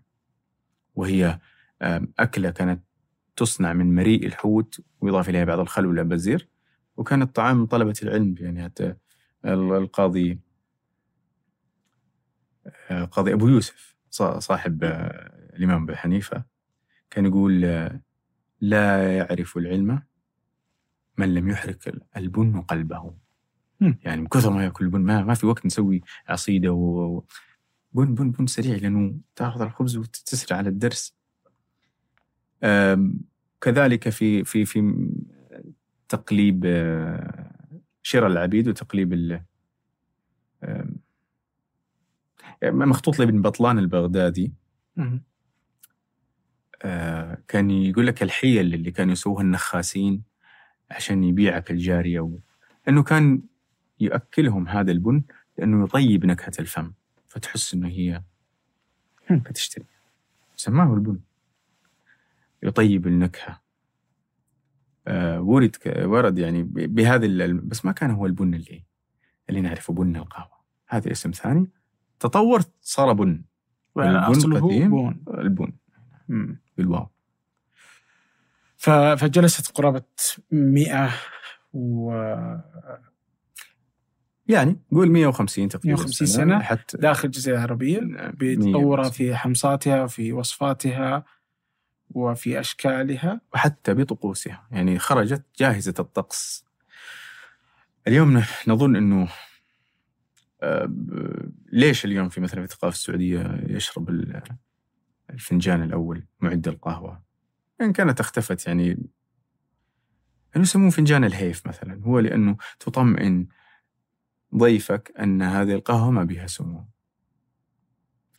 أنه جودتها عالية تتأكد من ذلك. ليش؟ كان هذه ضرورة أول يمكن القرن العاشر قرن الاغتيالات السياسية بالسم. لا بد لك أن تطمئنه بشربك قبله. ذكرها حمزة الناشري. قال آه إن كنت إيش آه إذا كان معك أحد يعني وكنت منه آكلا آه فكن فكل منه فكل أنت منه أولا لئلا يسيء الظن أنك جاعل له فيه شيئا من سموم ليقتلى الكل قبله. وعرف آه، ترى في مكة بداية الأمر مأكولا. وعرف في اليمن بداية الأمر مأكولا ومشروبا. كذلك في مكة. فإنك تأخذ رأي كذا وتحزم به وتصرح ب. أنا ودي أعرف كثير من الأشياء آه في كيف أصلا ننتقل من الحاضر للبادية وكيف آه أخذ هذه الطقوس بس ناخذ فاصل ونواصل. أعزائي المشاهدين.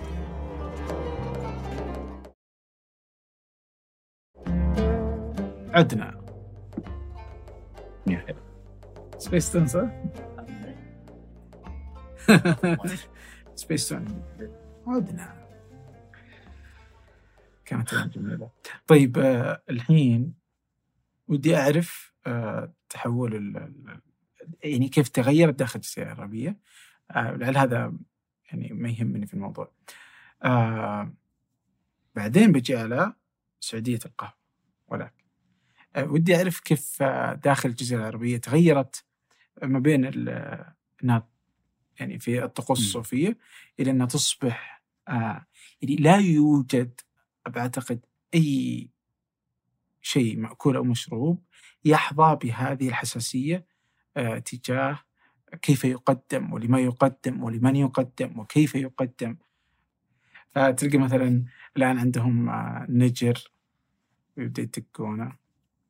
فإذا في إذا طاق الصوت فيبدأ الآن يعني يعلمك إنه بيبدأ يقدم القهوة.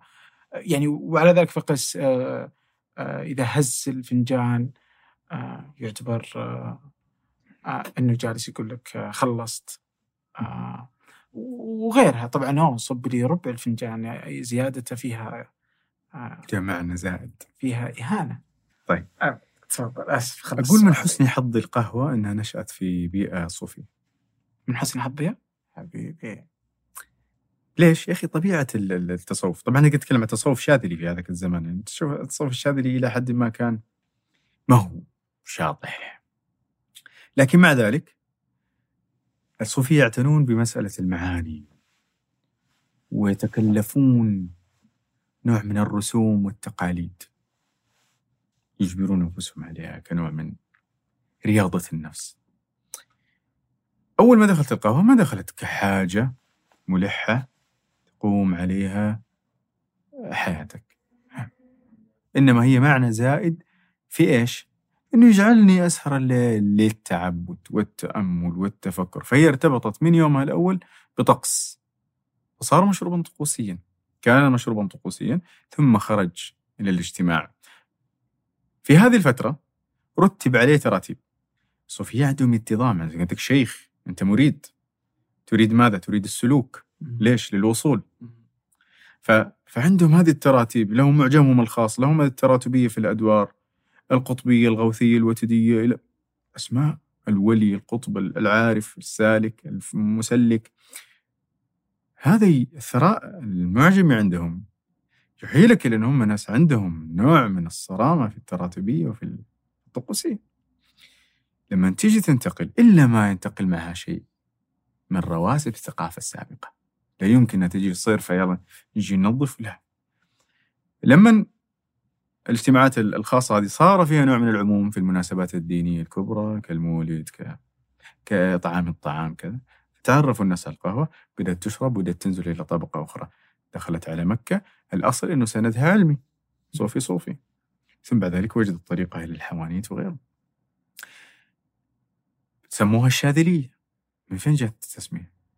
إيش عرف واحد في في في تخوم الصمان أو الربع الخالي وفي العراق في بادية بالشاذلي؟ لكن هذا أثر النوع ال- وهذا يدلل أنها جات من الحواضر الحواضر كان فيها مراكز الطوائف الصوفية في ذاك الزمان. والدليل انها خرجت من من الحاضرة إلى البادية، لكن البادية اللي أدخلت الدلة إلى مم. الشطي يقول ان الدلة من الدلال. وربما. ربما. أهرب لأنه آه، يعني ما أصلا ما, ما في كتاب في المكتبة السعودية أعتقد إلا كتاب آه، الله يعطيني اسمه آه، تكريم الدلة العربية لتغلب الدوسري. كتاب جديد جميل جدا. فما في أحد من المعاجم تكلم عن الدلة. فبعضهم يقول هي من الدلال بعضهم يقول هي من الدل. بعضهم يقول من الدلالة لكن كلها كلها تحتمل لا بأس. فالدلة من البادية هذه اللي هي دخلت من من العراق هي من الحاضرة تطورت دخلت إلى ال- البادية. ثم دخلت صارعت ال- ال- ال- الأواني الفخارية اللي كانت تصنع فيها. بالمناسبة الدلة ما كانت معروفة في مكة قبل 60 سنة. 60 سنة؟ مش كان معروف. يعني في كتاب مكة في القرن ال- الرابع عشر الهجري محمد عمر رفيع رحمة الله عليه. آه، وقتها كان يؤرخ وهو في حياة الملك عبد العزيز يعني وبعده بعد وفاته فكان يقول إنه آه، دخلت علينا قهوة الدلة بعد استتباب الحكم السعودي والنظام بدأت تدخل إذن هي ثقافة. دخلت عليها فصارعت ثقافة كانت موجودة اللي هي إيش؟ الماجور اللي هو الجبنة اللي هو الفخار وكانت قهوة أهل مكة سوداء. ما كانوا يعرفون إيه قهوة سوداء. فجاءت غلبت هذه القهوة اللي كانت وقتها من نجد واستطابها الناس وشاعت فيهم. ف... ف... فاللي تجي تطل فيها معقول جدا وارد جدا فخارية. من فين جات الدلة؟ جات من العراق. من يهود العراق ابتداء وصار في أسماء معلمين عمرها 150 سنة. إيش كانوا يطبخوها في إيش أول؟ كانوا يطبخوها في هذه الأواني فخارية كبيرة أو القدور. قدور النحاس الكبيرة ف من وين جت إذا كان في مكة آه، شقراء آه عفوا سوداء من وين جت الشقراء؟ شكرا هم وعادة تنسب الشقراء للشاذلية فهل الشاذلي هو المطبخ آه، شقراء؟ اللي أعرفه أنها وجدت بجميع أنواع حمساتها في القرن التاسع الهجري آه يعني فمنهم يقول ال- ال- ال- الناشري فمنهم إلى الحال المسود مائل ومنهم إلى تجحيمه ما تزيل. تجحيم اللي هو التحميص كان اسمه التجحيم من الجحيم. ف فكن هشا يقول فكن وسطا آه لتربح مأكلة. يقول لا تخليها لا غامقة ولا فاتحة. مثلا هذه مدرسته. ومع ذلك ذكر أنه في ناس آه، يحبونها فاتحة وفي ناس يحبونها غامقة. مسألة ليش انتشرت طبعا الناس يضعون فرضية أنه كل ما اتجهت إلى الشمال من اليمن وصعد إلى الشمال ستجدها تغمق ربما لكن ما كان هذا الوضع سابقا أنت القهوة الشهيرة قهوة سوداء. بعدين بدأ التفاوت لما انسرت وهذه هذه هذه إشكالية ال- الإضافات، القهوة السعودية كيف نشأت؟ من فين جات المضافات؟ ليش تجد أقوام عندهم إضافات؟ ببساطة يجيك واحد يقول لك إنه هي ذوقية، هي صح ذوقية، لكن كان لها علة قبل أن تصبح ذوقية. لما حصل الخلاف حول حكم القهوة حرمت لاربعه أشياء لما حرمت، حرمت لاسكارها وهذا باطل. وحرمت لإضرارها وهذان سببان ذاتيان في نفسها وسببان عرضيان اللي هم هيئة شربها والاختلاط فيها ولما يحدث في بيوت القهوة هذا. الإسكار باطل فبقي الإضرار قالوا ليش الإضرار؟ ما معناه؟ قال إذا كان الإنسان مزاجه طبع نفسه بارد يابس الطب القديم والقهوة باردة يابسة فيضره ذلك. قال ماشي. آه، تحرم عليه. كمثل صاحب ال- السكري يحرم عليه العسل إذا أكل لأنه قد يؤدي إلى تهلكة. فقال واحد نحتاط لذلك بتعديل طبعها. كيف تعديل طبعها؟ البارد اليابس تعدل طبعه يعني أنك تخلي البرودة هذه نوع من الحرارة أو تخلي هذه اليبوسة نوع من الرطوبة. بإضافة ما يعدل طبعها. هذا موجود في مخطوط آه ذكرته ووضعت هذه النظرية أنه الأصل أنه كانت الإشكال طبي فقهي. فأضافوا لها الزنجبيل يعدل طبعها. بعدين استساغوا الإضافات. تختفي العلة الأولى وتنسلك في الممارسة فما حد يسأل ليش نضاف ما ضاف عجبني القهوه كذا طب تدري خلينا نضيف عليها هيل خلينا نضيف عليها قرنفل خلينا نضيف عليها حليب خلينا نضيف عليها سكر. وهكذا. تصبح مسألة ذوقية. والله إحنا نشربها بكذا وأنتم تشربوها بهذا النوع من البهارات ونحن لا نحب هذا فيصير لك خلاف على مستوى بسيط يعني المستوى ذوقي نسبي. بينما هو لا الأصل إنه كانت هذه أو النظرية على الأقل اللي أنا اللي أرتاح لها ودرستها في في المقدمه. ثم صارت القهوة السعودية. قبل؟ قبل. آه لا لا يعني ما أدري إذا هي مع هذا المدخل ولا لا بس اللي هو ودي أعرف اللي هي أنواع الفناجيل واللي هو الهيف والكيف والضيف آه. وغيره. ولما يعني كيف ظهرت هذه الطقوس خصوصا عند البادية؟ آه، فنجان الفناجين في الثقافه السعودية على فنجان الهيف والكيف والسيف والضيف. الهيف هو فنجان الاختبار. وهذا قديم. يعني أقدم من إنه يكون عمره 60 70 سنة. لا هو أقدم من ذلك. وفنجان يختبر جودتها يعني؟ يختبر جودتها ومش مشكلة الاغتيالات السياسية أول هي لازم تطمن. شيخ قبيله جاء عن شيخ قبيلة. يا أخي تخلص منه بسم وانتهينا. فلازم أنت تشرب حتى تطمن أنك تشرب من نفس الفنجان. إنه حيشرب من نفس الفنجان بالمناسبة. ما كان في تنوع الفناجين هذا. تشرب من نفس الفنجان. قال لك ما تستشرب من نفس الكأس. بس كانوا يظنون المجالس كانت يعني فيها هذا الرفاه وفناجين وفي قهوجي. لا يا حبيبي. هو فنجان يدور على الجميع. بعض الاثرياء كان عنده أكثر من فنجان. وإلا ما في أصلا موجب لف... لمسألة إنه تدير الكأس بينهم، ليش تدير الكأس؟ ما تجيب له كأس. ما في. في ناس يعني كذا يقيس الماضي يقرأ بصورة معولة محاضرة. اليوم غريبه كان الموضوع بسيط. لا لا الرفاه اللي أنت تعيشه ما هو موجود. الحاصل مسألة هز الفنجان برضو كان لها سبب سياسي. قال إنه بعد سقوط الدرعية. بداية نشأة الدولة السعودية الثانية كان هناك نوع من التربص وربما كان في الدولة السعودية كذلك نوع من التربص بالدولة السعودية. فكانوا يحرصون إنه القهوجي يكون أصم ما يسمع. فتكفيه هذه الإشارة على معنى إملأ زدني. وهذه الإشارة توقف. توقف اللي هي إنك تضع يدك على راح هذا الأصم. شاف له وظيفة ثانية توفي إلى الله. بقيت العادة كما هي ليش يطقها؟ ليش يطق الفنجان الدلة؟ ليش؟ لأنه ينبهك. أنت تكون تتكلم عن حاجة فإذا دقها انتبه لأنه التفت وخذ الفنجان لأنه قد يحرق يده. فهي حيلة مؤدبة جميلة. يعطي قائمة كده تحس فيها واحد هندسة هندسة. وربما يكون هذا. صحيح. انه شوف جاية جاتك من أفق. يهتم بالرسوم والشطه ولا تقدم بينك وبينه ثلاث خطوات لا لا ما تقول يا هي يا فلان أكل فنجان تقول له سم تفضل في في نوع من الأدب الجميل في هذا الطقس وينبغي المحافظه عليه. طيب و يعني هل كانت القهوة هي الشيء الوحيد اللي الرجل يقوم على إنه هو اللي يطبخها بنفسه ويحضرها بنفسه؟ هذا كان العرف نعم. وليش كانت القهوة بذاتها يعني وبقية الأشياء يعني؟ ليش أخذها الرجال؟ والله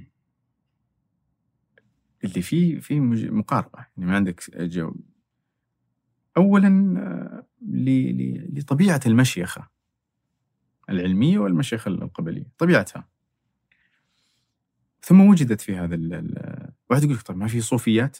بلى في ما يصلين الليل. بلى موجود. بس إحنا نتكلم عن الحكم الاغلبي يجيك واحد يقول لك القهوة ما شربتها النساء. ليش؟ عشان ما ورد الخبر؟ وعدم الوجدان لا يعني العدم. لكن الحكم الأغلبي والأكثرين إنه نعم ما ورد إنهم. لكن ما كانوا يشربنها كانت محرمة؟ لا لا. بلى كنا يشربنها. لكن لما ارتبطت بمعنى ضيافة و فإذا في منظومة الضيافة العربية الرجل الذي يستقبل الضيوف. طيب لو ما كان؟ تجي تسمع في قصة البادي انه كانت تستقبل الزوجه الضيوف لكن تعطيهم الدلال وتعطيهم البن وتعطيهم الحطب وتعطيهم الذبيحة. هذه تجمع هذا القول مع هذا القول تجد إنه ما في إشكال يعني. من يقول لك القهوة جات في في ثقافة ذكورية ماذا؟ تاريخ بكبره يعني إذا بتأخذ بهذا المقياس تكون بس حتى الدكتور سعد الصويان يقول ان الشاي للحريم. شيء متأخر. يعني متأخر كم؟ مرة متأخر. متى ده؟ يعني تتكلم على 110 سنوات.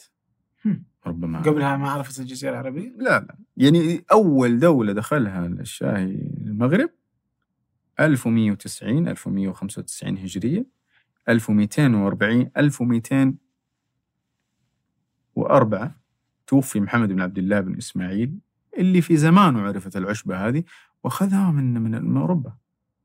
إحنا دخلنا من العراق. 1260 يؤرخ عبد القدوس الأنصاري رحمة الله عليه في كتاب موسوعة جدة التاريخية إنه دخل إلى ميناء جدة شحنة شاي 1260 بس مش بالضرورة انها دخلت بمعنى انها كانت سلعة تجارية عامة. دخلت لكن يمكن ما كان يعرف أحد. من اين اكتسبت اسمها؟ من الميناء اللي صدر منه الشاي يعني كانت الصين تصدر عبر مينائين. ميناء بري مسك الخط هذا اللي هو إيران الهند إيران فارس فتجي تلاقي إنه اسمه عندنا العرب والفرس والهنود شاي. شاهي شاي. نسبة إلى؟ نسبة؟ إلى الميناء اللي هو كانت تصدر منه فهي لغتين. اسمه تشيا. لا كانوا يسمون الصينيين في ذيك اللغة في لغتين عامتين في الصين وأكثر من. لكن ال- ال- المندرين كانوا يسموه آه، تشا. تاي اللغة الثانية اللي كانت تخرج بحرا. فوصلت للبرتغال دخلت على فرنسا إلى هولندا إلى المغرب دخلت باللفظة تاي. يسموه تي سموه tea. هم tea الأوروبيين لكن تاي. تاي يسموه تي. wow. okay. ف آه فإحنا اخذناه كما هو يعني بالصيني يعني. فالشاي شاي شاي ما هو شاي أو شاهي لا خلاف لا خلاف أو شاه بعضهم يقولوا حتى. مم. مم. آه. فالشاهي حديث على مرة يعتبر جديد. فمسألة أنه هي كانت القهوة ربما لأنه في لهم قول مشهور أنه القهوة آه، خص والشاي. قص. الشاي ما ما ما يعتمد فيه الترتيب. إن سألت القهوة لا لها الترتيب ولها كذا. اللي جاية من أفق ثاني والشاي جاي من أفق ثاني. ال- ال- ال- ال- الشاي دواء تحول لمشروب.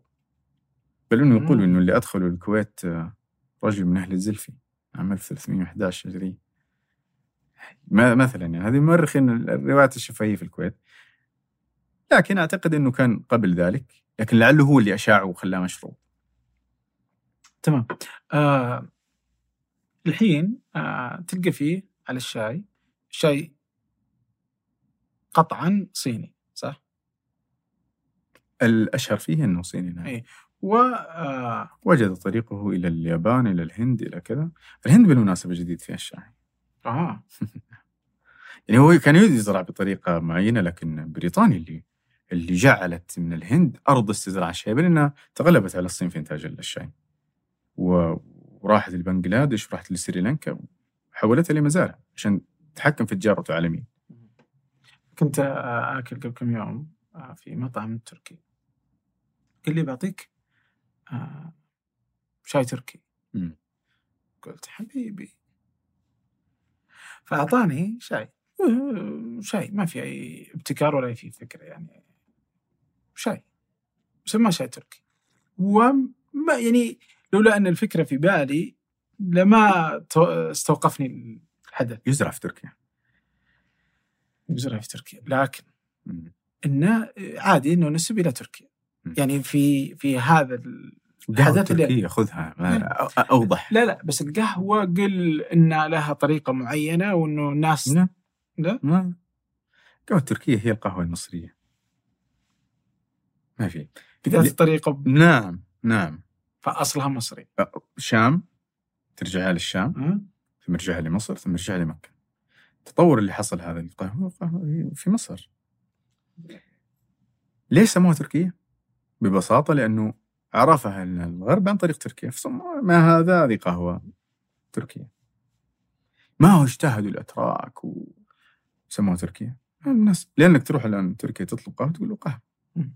طريق قهوة تركيا فسواء الحين عندك القهوة التركية اللي نرجع إلى أن أصلها مصري تسمى قهوة تركية آه ولا يزرع البن عندهم أصلا نعم. ولا الوصفة وصفة تركية نعم. الثنتين تركية ومع ذلك تسمى تركية.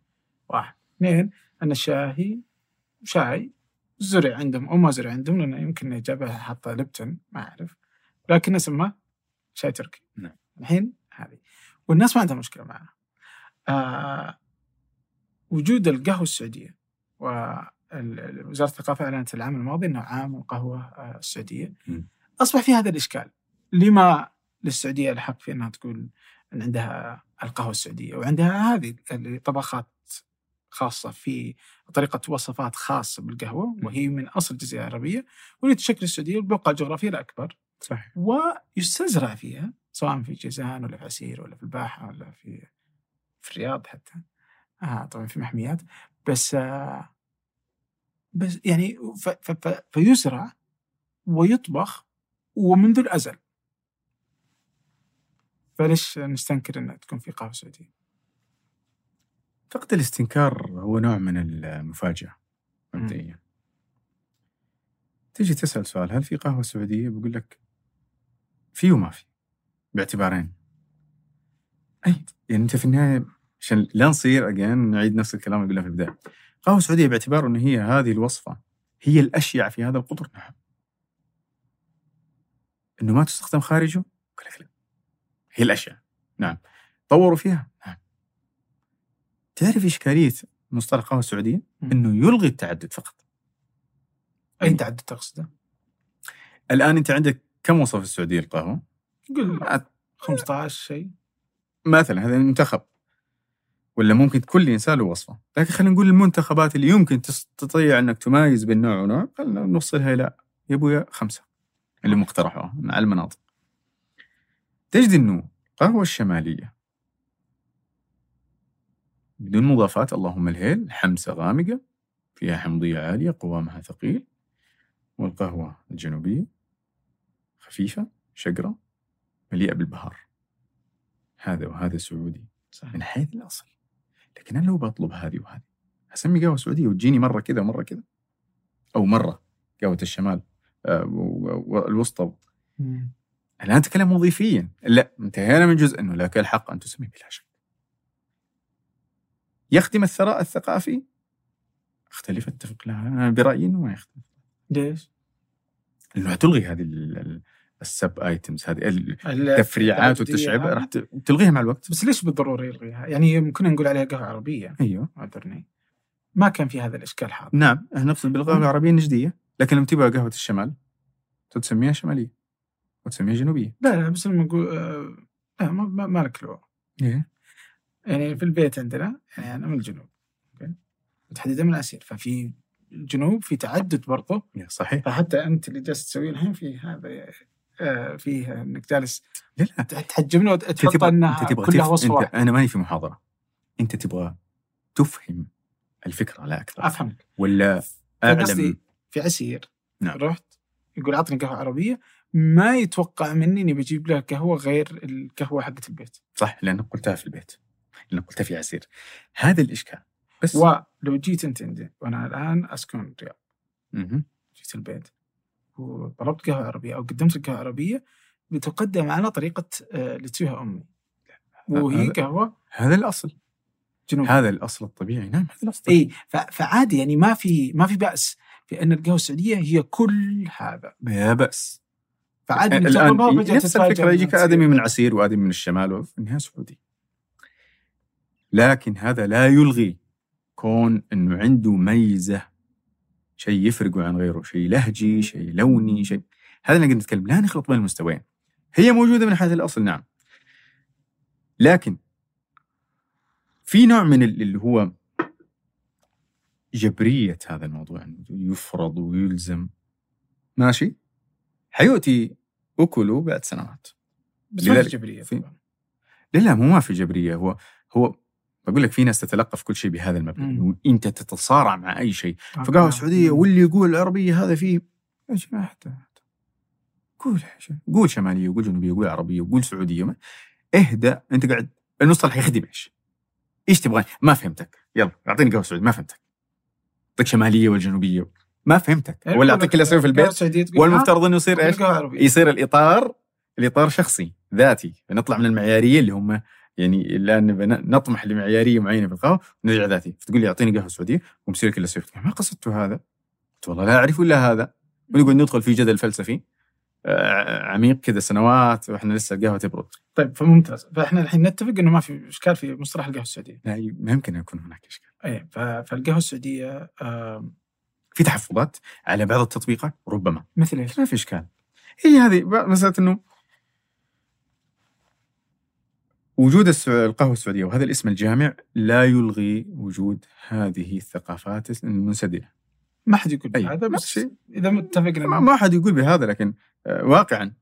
لما أوكي شوف نتيجة من يعني إذا لو إنه وزارة الثقافة جت وقالت. أن القهوة السعودية هي ربع ربع ملعقه هيل وربع ملعقة مدري إيش واختاروا وصفة آه، مثلا نجد. بيبسي صارت. لا صار عندي هذا الإشكال معك آه، يعني لا اتفقت مع يعني مع هذا الاشكال لا أنت فرض تحديد نوع ما هي ماهيه القهوة السعودية.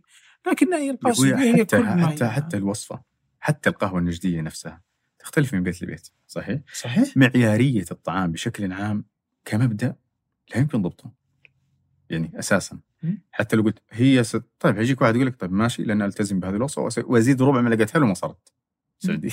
يعني لا شوف لو لو صارت بهذه الحدية والظرفية okay. يعني أزيد جرامين وما صارت سعودي مرحبا. ما صرنا في هذه اللي هي آه، لكن بالعموم نتكلم في شيء ثقافيا قد يفرض اسم قد لا يفرض اسم. قد تجد إنه الاسم يأخذ مجراه بسبب ظرف خارج أصلا عن زي ما حصل مع القهوة التركية. ما هم ما سموها التركية. وإنه من مصلحة القهوة. نعم. ومن مصلحة ال- القهوة السعودية. في كل الحالتين سواء مزارعين أو حتى في الوصفة ذاتها نعم. إنها تنتشر إنها عادي إنها بدأت. تثبت يعني اليوم صح آه مع ما قبل عام القهوه السعودية وما. قبل آه إنه يكون فيه هذا الترويج لمفهوم القهوه السعودية كنت عادي تروح آه المطار تدخل صالة الفرسان ما تلقى أصلا إلا كلها كابتشينو. مم. اليوم تلقى القهوة السعودية ثابتة آه مقاهي برضو بعضها صار يبيع ف... فإعادة إيجادها إلى المشهد التجاري احس إنها ساهم في هذا جميل. وساهم في آه إن زراعة ال... يعني الاستثمار الأكثر في زراعة البن في المناطق السعودية. آم، أعتقد العام الثقافي يزامن. لكن استراتيجيا البن ترند من قبل ومن بعد. القهوة قهوة عالمية من زمان. لا لا بس أتكلم على هذا نعم ساهم. يعني سواء في زراعه البن داخل السعودية صحيح انه في مبادره من أرامكو. 2016 بدأت؟ لكنها كانت على استحياء يعني لو تلقى أتذكر رحت مرة الداير آه في جيزان وكان يعني يدوب عدد المستفيدين قليل يعني. اي ما تجاوز 300 شخص. فيختلف 256 عن هذا زائد. الاستثمار الحين في الشركة السعودية للقهوة. في عندك العام القهوة في يعني كذا هذا أيوة. أحس إنه جالس صح. وأنا كنت كنت أقول كلمة. عام القهوة بدايته لا لا تعني بداية مشاريع القهوه في السعودية ونهايته لا تعني انتهاء مشاريع القهوه في السعودية.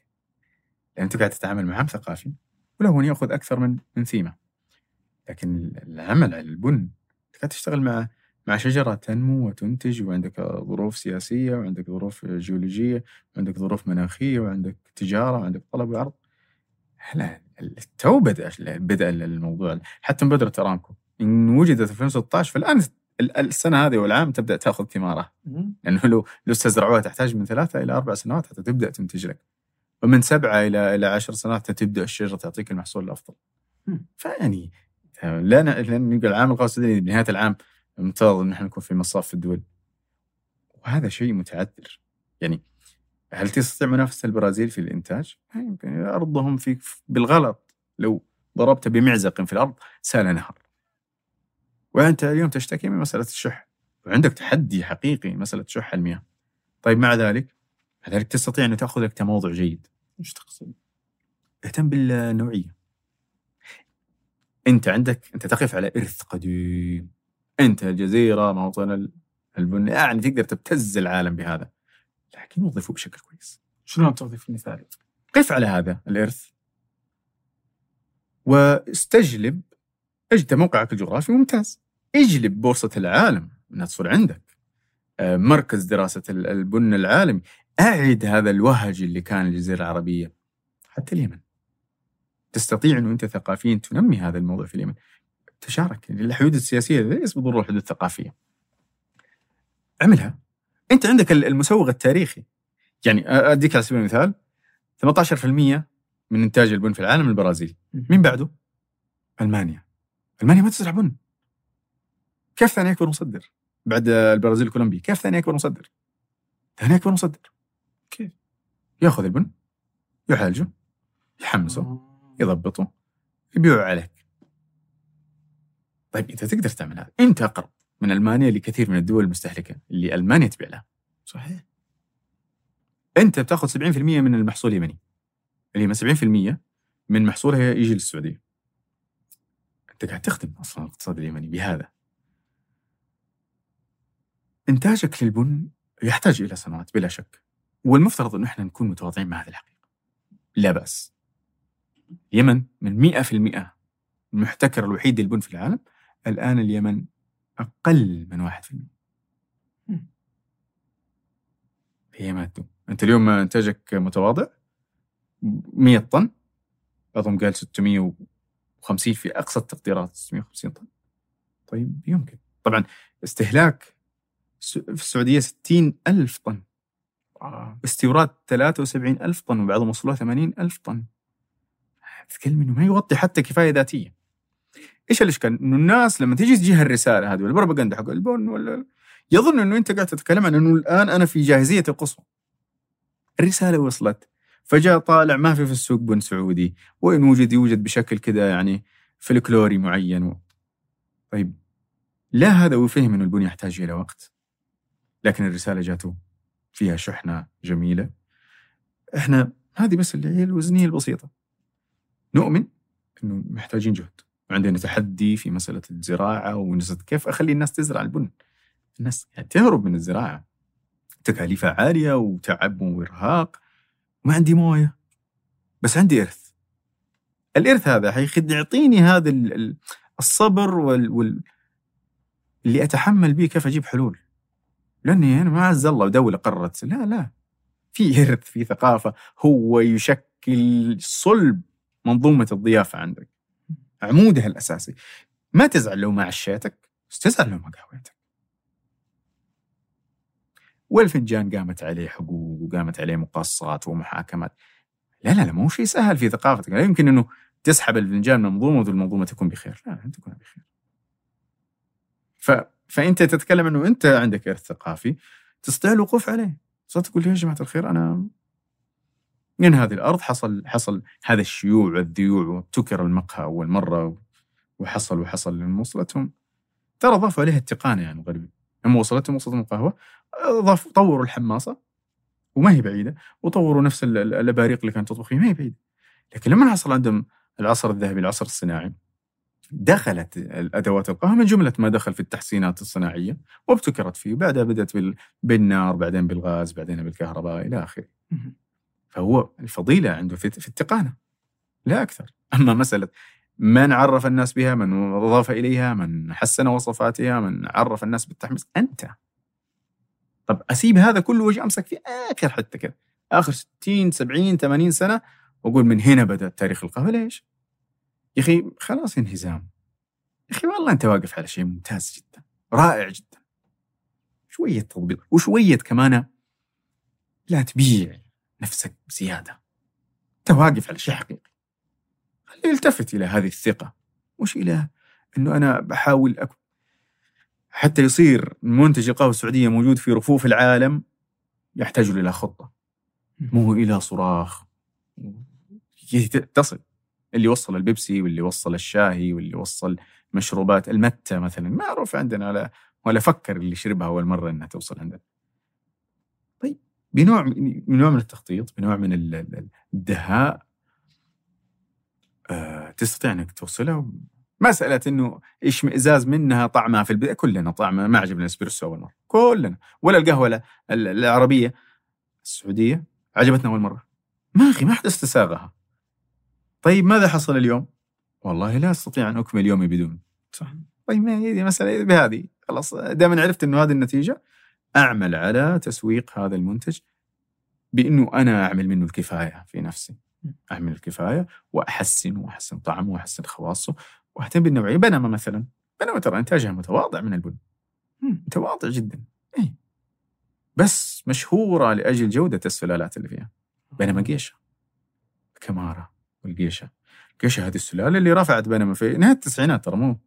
يعني لك إنه مو صعبة.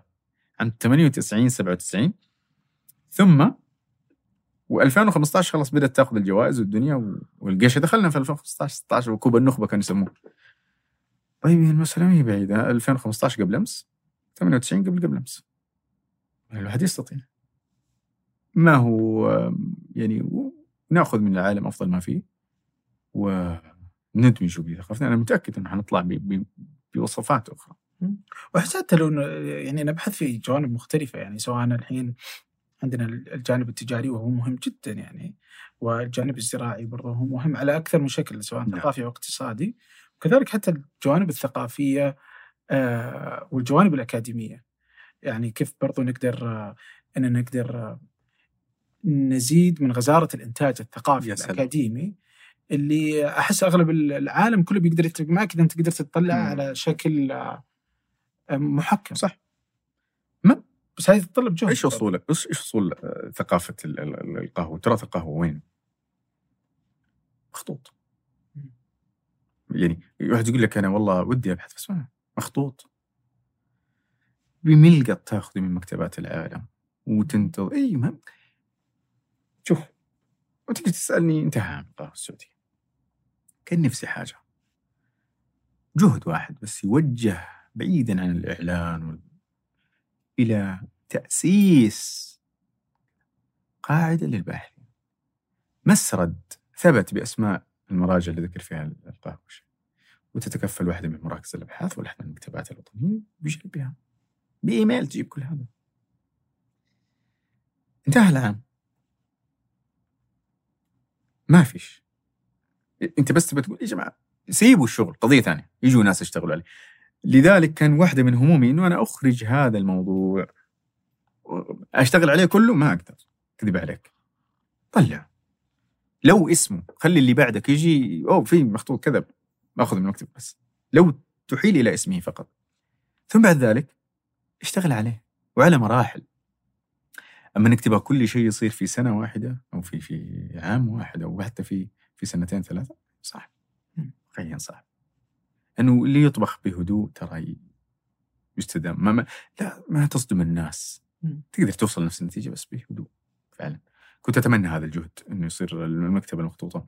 عملت يعني ما زلت أعمل الان على أني أصنع آه، مسرد بأسماء المخطوطات في التراث العربي. اللي موجود منها أحيل إليه واللي مو موجود منها.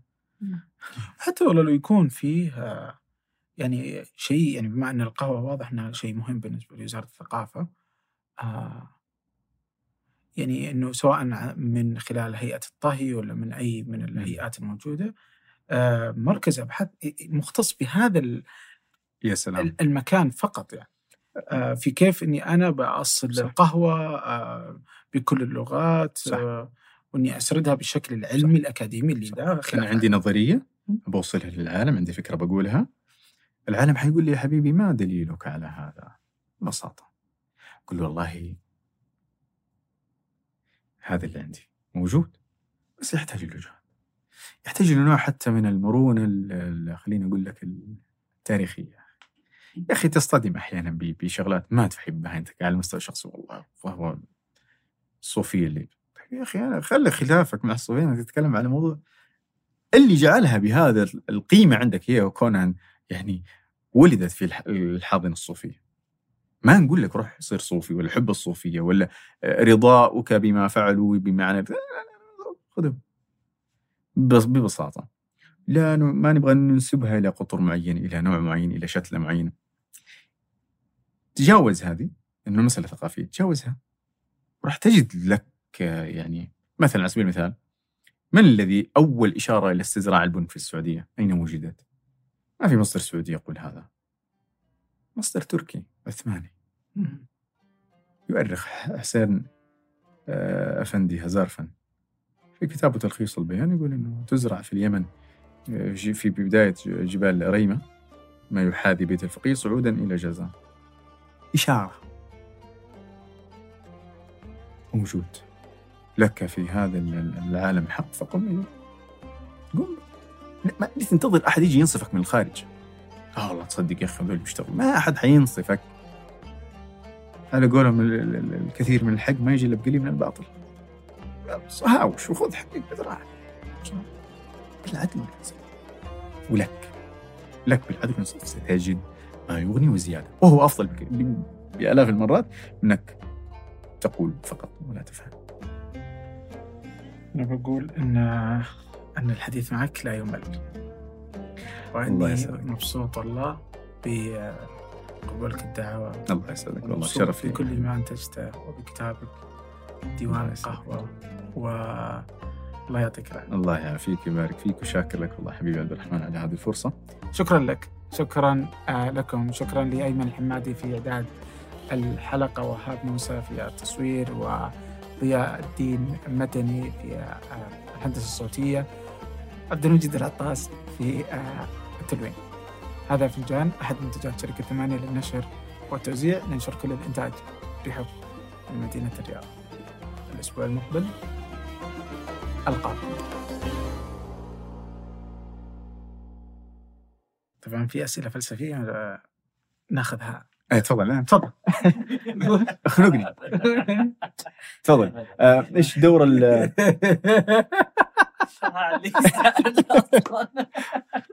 أنا عندي سؤال والله ذاك اليوم كانت عنده الشجاعة إنه عندي سؤال معلش لازم معلش لا لا مو إنه عندي سؤال. شفت سؤالي اللي أنت سحبت علي؟ آه لسه لسه. ما جاوبتني. اللي اللي أحمد ما جاوبت. ما يتجاوب. هل عندك أي شيء نقطة ما غطيناها تحس إنها مرة مهمة؟ والله. جد عادي لا تستحي خلاص بعدين. تنمرت لا، لا، أخي حتى ترى مصطلح التنمر يعني. يعني عجيب والله كيف صار آه، متداول. إيه، مع إنه معجمي. إيه. معجمي ما حد يعرف إيش يعني التنمر يعني كان في المعجم واحد من الادباء أستخدمه فواحد أحال عليه واحد استخدمها في يعني فجأة لك يا أخي والله عجيب والله يعني. رائع ترى. عجيب مسألة إنه يا أخي لا تشتغل يعني اشتغل بدها. والله في بعض الأحيان المسوقين دول الجن. طبعا اتكلم عن التسويق بمعنى ال- النفسي اذا كانوا يشتغلوا على النفسانيين. كيف يروج لك مصطلح بشيء؟ يدخلوا في التداولية كيف يجيبوا من المعجم يدخلوا؟ ويجيب لك في إعلانات معينة يجيب لك في أوقات معينة يجيب لك تجدها وصلت في استقرت في في معجمك اليوم. تقدر توصل قهوة السعوديه بهذه الطريقة؟ تقدر توصلها بهذه الطريقة؟ هل التنمر كلمة يعني هي موجودة في المعجم من زمان؟ يعني قديمة؟ أيوه آه فهي مو. وش أصلها ليش؟ إيه ليش هل هي ترجع هل هي نفس البولينج؟ وش يلا خلى سؤال خاف لا لا هل هي ترجع للنمر؟ نقدر نرجعها لنمر ليش النمر؟ إيه، ما- يعني في حيوانات حيوانات أنت افترضت إنه في علاقة بين الآن، النمر إيه،. لا النمر انه ياكلك فيعني تنمر. يعني أنا هو متنمر لأنه لو كانت. تأسد برضو شغالة. يعني شوف الحقيقة نفسها ال- ال- اللغوية وحقيقه الوضع اللي يخدمها الاستخدام. أنا صارت تنمر يعني تجي واحد يقول لك؟ ال- ال- التفيل ولا التثور ولا ما تفهمها. لكن تنمر. طبعا هذا على فرض إنه هي أساسا مأخوذة من ال- النمورة اللي هي الحالة النمورية هذه والسبوعية. ما أعلم والله ما. وهو متنمر بالدرجة الأولى طبعا. هذا؟ مدرسة في التنمر تيار ها؟ مذهب تيار. ها؟ ما شاء الله هذه جازت لي مدرسة. آه. مدرسة من الشغلات اللي ترى تعاب على هي ت... هي مترجمة. يعني هي مدرسة مأخوذة من ال... من school اللي يقول لك مثلا الفرنكفورية. آه، school ت... اللي بمعنى تيار ومذهب طبعا أنت عندك كلمة مذهب لكن لأنها ارتبطت تداوليا بالمذاهب الفقهية والشرعية كذا يقول لك في النحوي يقول لك التيار أو المدرسة الكوفية المدرسة البصرية المذهب الكوفي المذهب البصري عادي. مم. فأخذت الترجمة وشاعت أكثر من المذهب اللي كانت شغالة already من زمان already شوف هذاك تقول already هي دخلت في الاستخدام. وش اللي يقعد يستقعد؟ اللي يقعد يستقعد هذه الشغلات ترى انسان مو فاهم. والله؟ اللي في شغلات تدخل في لا وعيك اللغوي. لو جيت تقول لي في هو أنا انتبهت على نفسي واستدركت على نفسي صح؟ بس حصلت. لك آه أخي لا تجي هنا تعلي في بنية معجمي وكلامي وانتقدني فيه قول لي أسلوبك مو عربي. بمعنى تبدأ بال- بالفاعل قبل الفعل. بقول لك في أسلوب عربي يبدأ بالفاعل قبل الفعل لعلة بلاغية أو لنكتة بلاغية لكن مو هو الأصل الشائع في الاسلوب أكل أحمد التفاحة في الإنجليزية؟ أحمد. اكل يأكل التفاحه ف فقلت بس برضو العربي تقدر تاخذ أي نعم تقدر. يعني زي لما تاخذ من الفارسية في تقديم ال- لا لا العربية موصوف. فيها تقديم. لا لا بس آه. جزيل الشكر كريم ال لا لا يوجد. أي يوجد في العربية. هي آه. جزيل الشكر مضاف مضاف إليه. ومن تقديم الصفة على المو- الموصوف. هذه هذا موجود في لغة العرب. تقديم الصفة على الموصوف. وتقديم الفاعل ل- لنكتة بلاغية لأنك تريد أن تنبه على علو شأنه. مم. الله خلق الله. الله نزل أحسن الحديث إيه كتابا. طيب يا أخي في هنا في ال في, ال في القرآن أن يكفر؟ لا لا لا. اي. اي لا لقوا شيء رحمة. إن رحمة رحمة الله. إن رحمة الله جت بالتاء المفتوحة من بالتاء المربوطة. مم. إن رحمة الله والله يا أخي عللوها كثير علل كثير كثير جلل أنت تنطقها إيش؟ بالوصل مقول بس م... لا إيش اللي لا آه لا. لا تقيسهم على الحاضر وليش؟ ليش؟ لأنه يقول لك هذه وجدت في استخدام وفي رسم العرب اذا لا بأس يعني له وجاهة له وجاهة هو الشائع في الاستخدام ليس الشائع اليوم في الاستخدام مم. طيب قبل 60 70 سنة 100 سنة ربما تيار من التيارات في العراق مثلا ربما في مصر ربما. فإبقائها على ما هي عليه آه، أظن الله أعلم أنا ما ودي أفتي. قد مرت علي لكن من زمان جدا. كان لهم تعليل آه، أصحاب الرسم. لكن لها أصل على حال إنك تكتب ما, ما تنطق له أصل.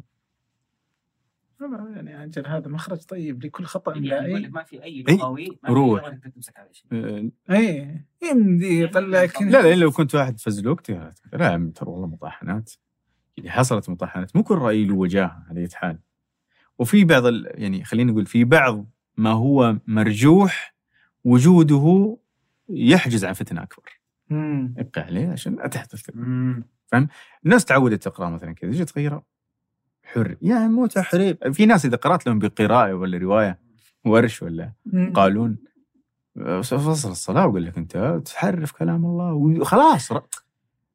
فتنة أنك تقرأ مع بقراءات. فتنة. فلا خلاص أعتمد آه، حسب الديار. هي حسبك وما تعرف. شكرا. رهيبة مرة. كان عندنا واحد في الحارة. مم. الفجريات يغير. ما عادة الفجر لأن إيه. لأن العوام نايمين. هذا يكون رايق الإمام. بس تفضل.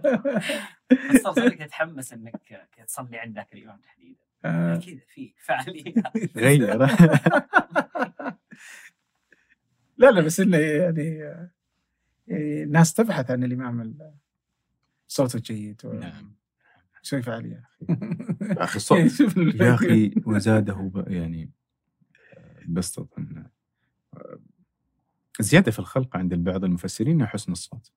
مم. نعم. والنبي صلى الله عليه وسلم ليش كان يحب يسمع من النبي موسى الأشعري عبد الله؟ بن يا أخي صوته حلو. ترى أنت قاعد تمارس شيء طبيعي. الآن صار في كلام حلو يعني زيادة. إحنا عندنا كذا سبحان الله نوع من ال... ودك تتموضع في وسط تموضع اللي كان وسط التموضع في التطرف. يعني أخي خلاص وين الوسط وينه؟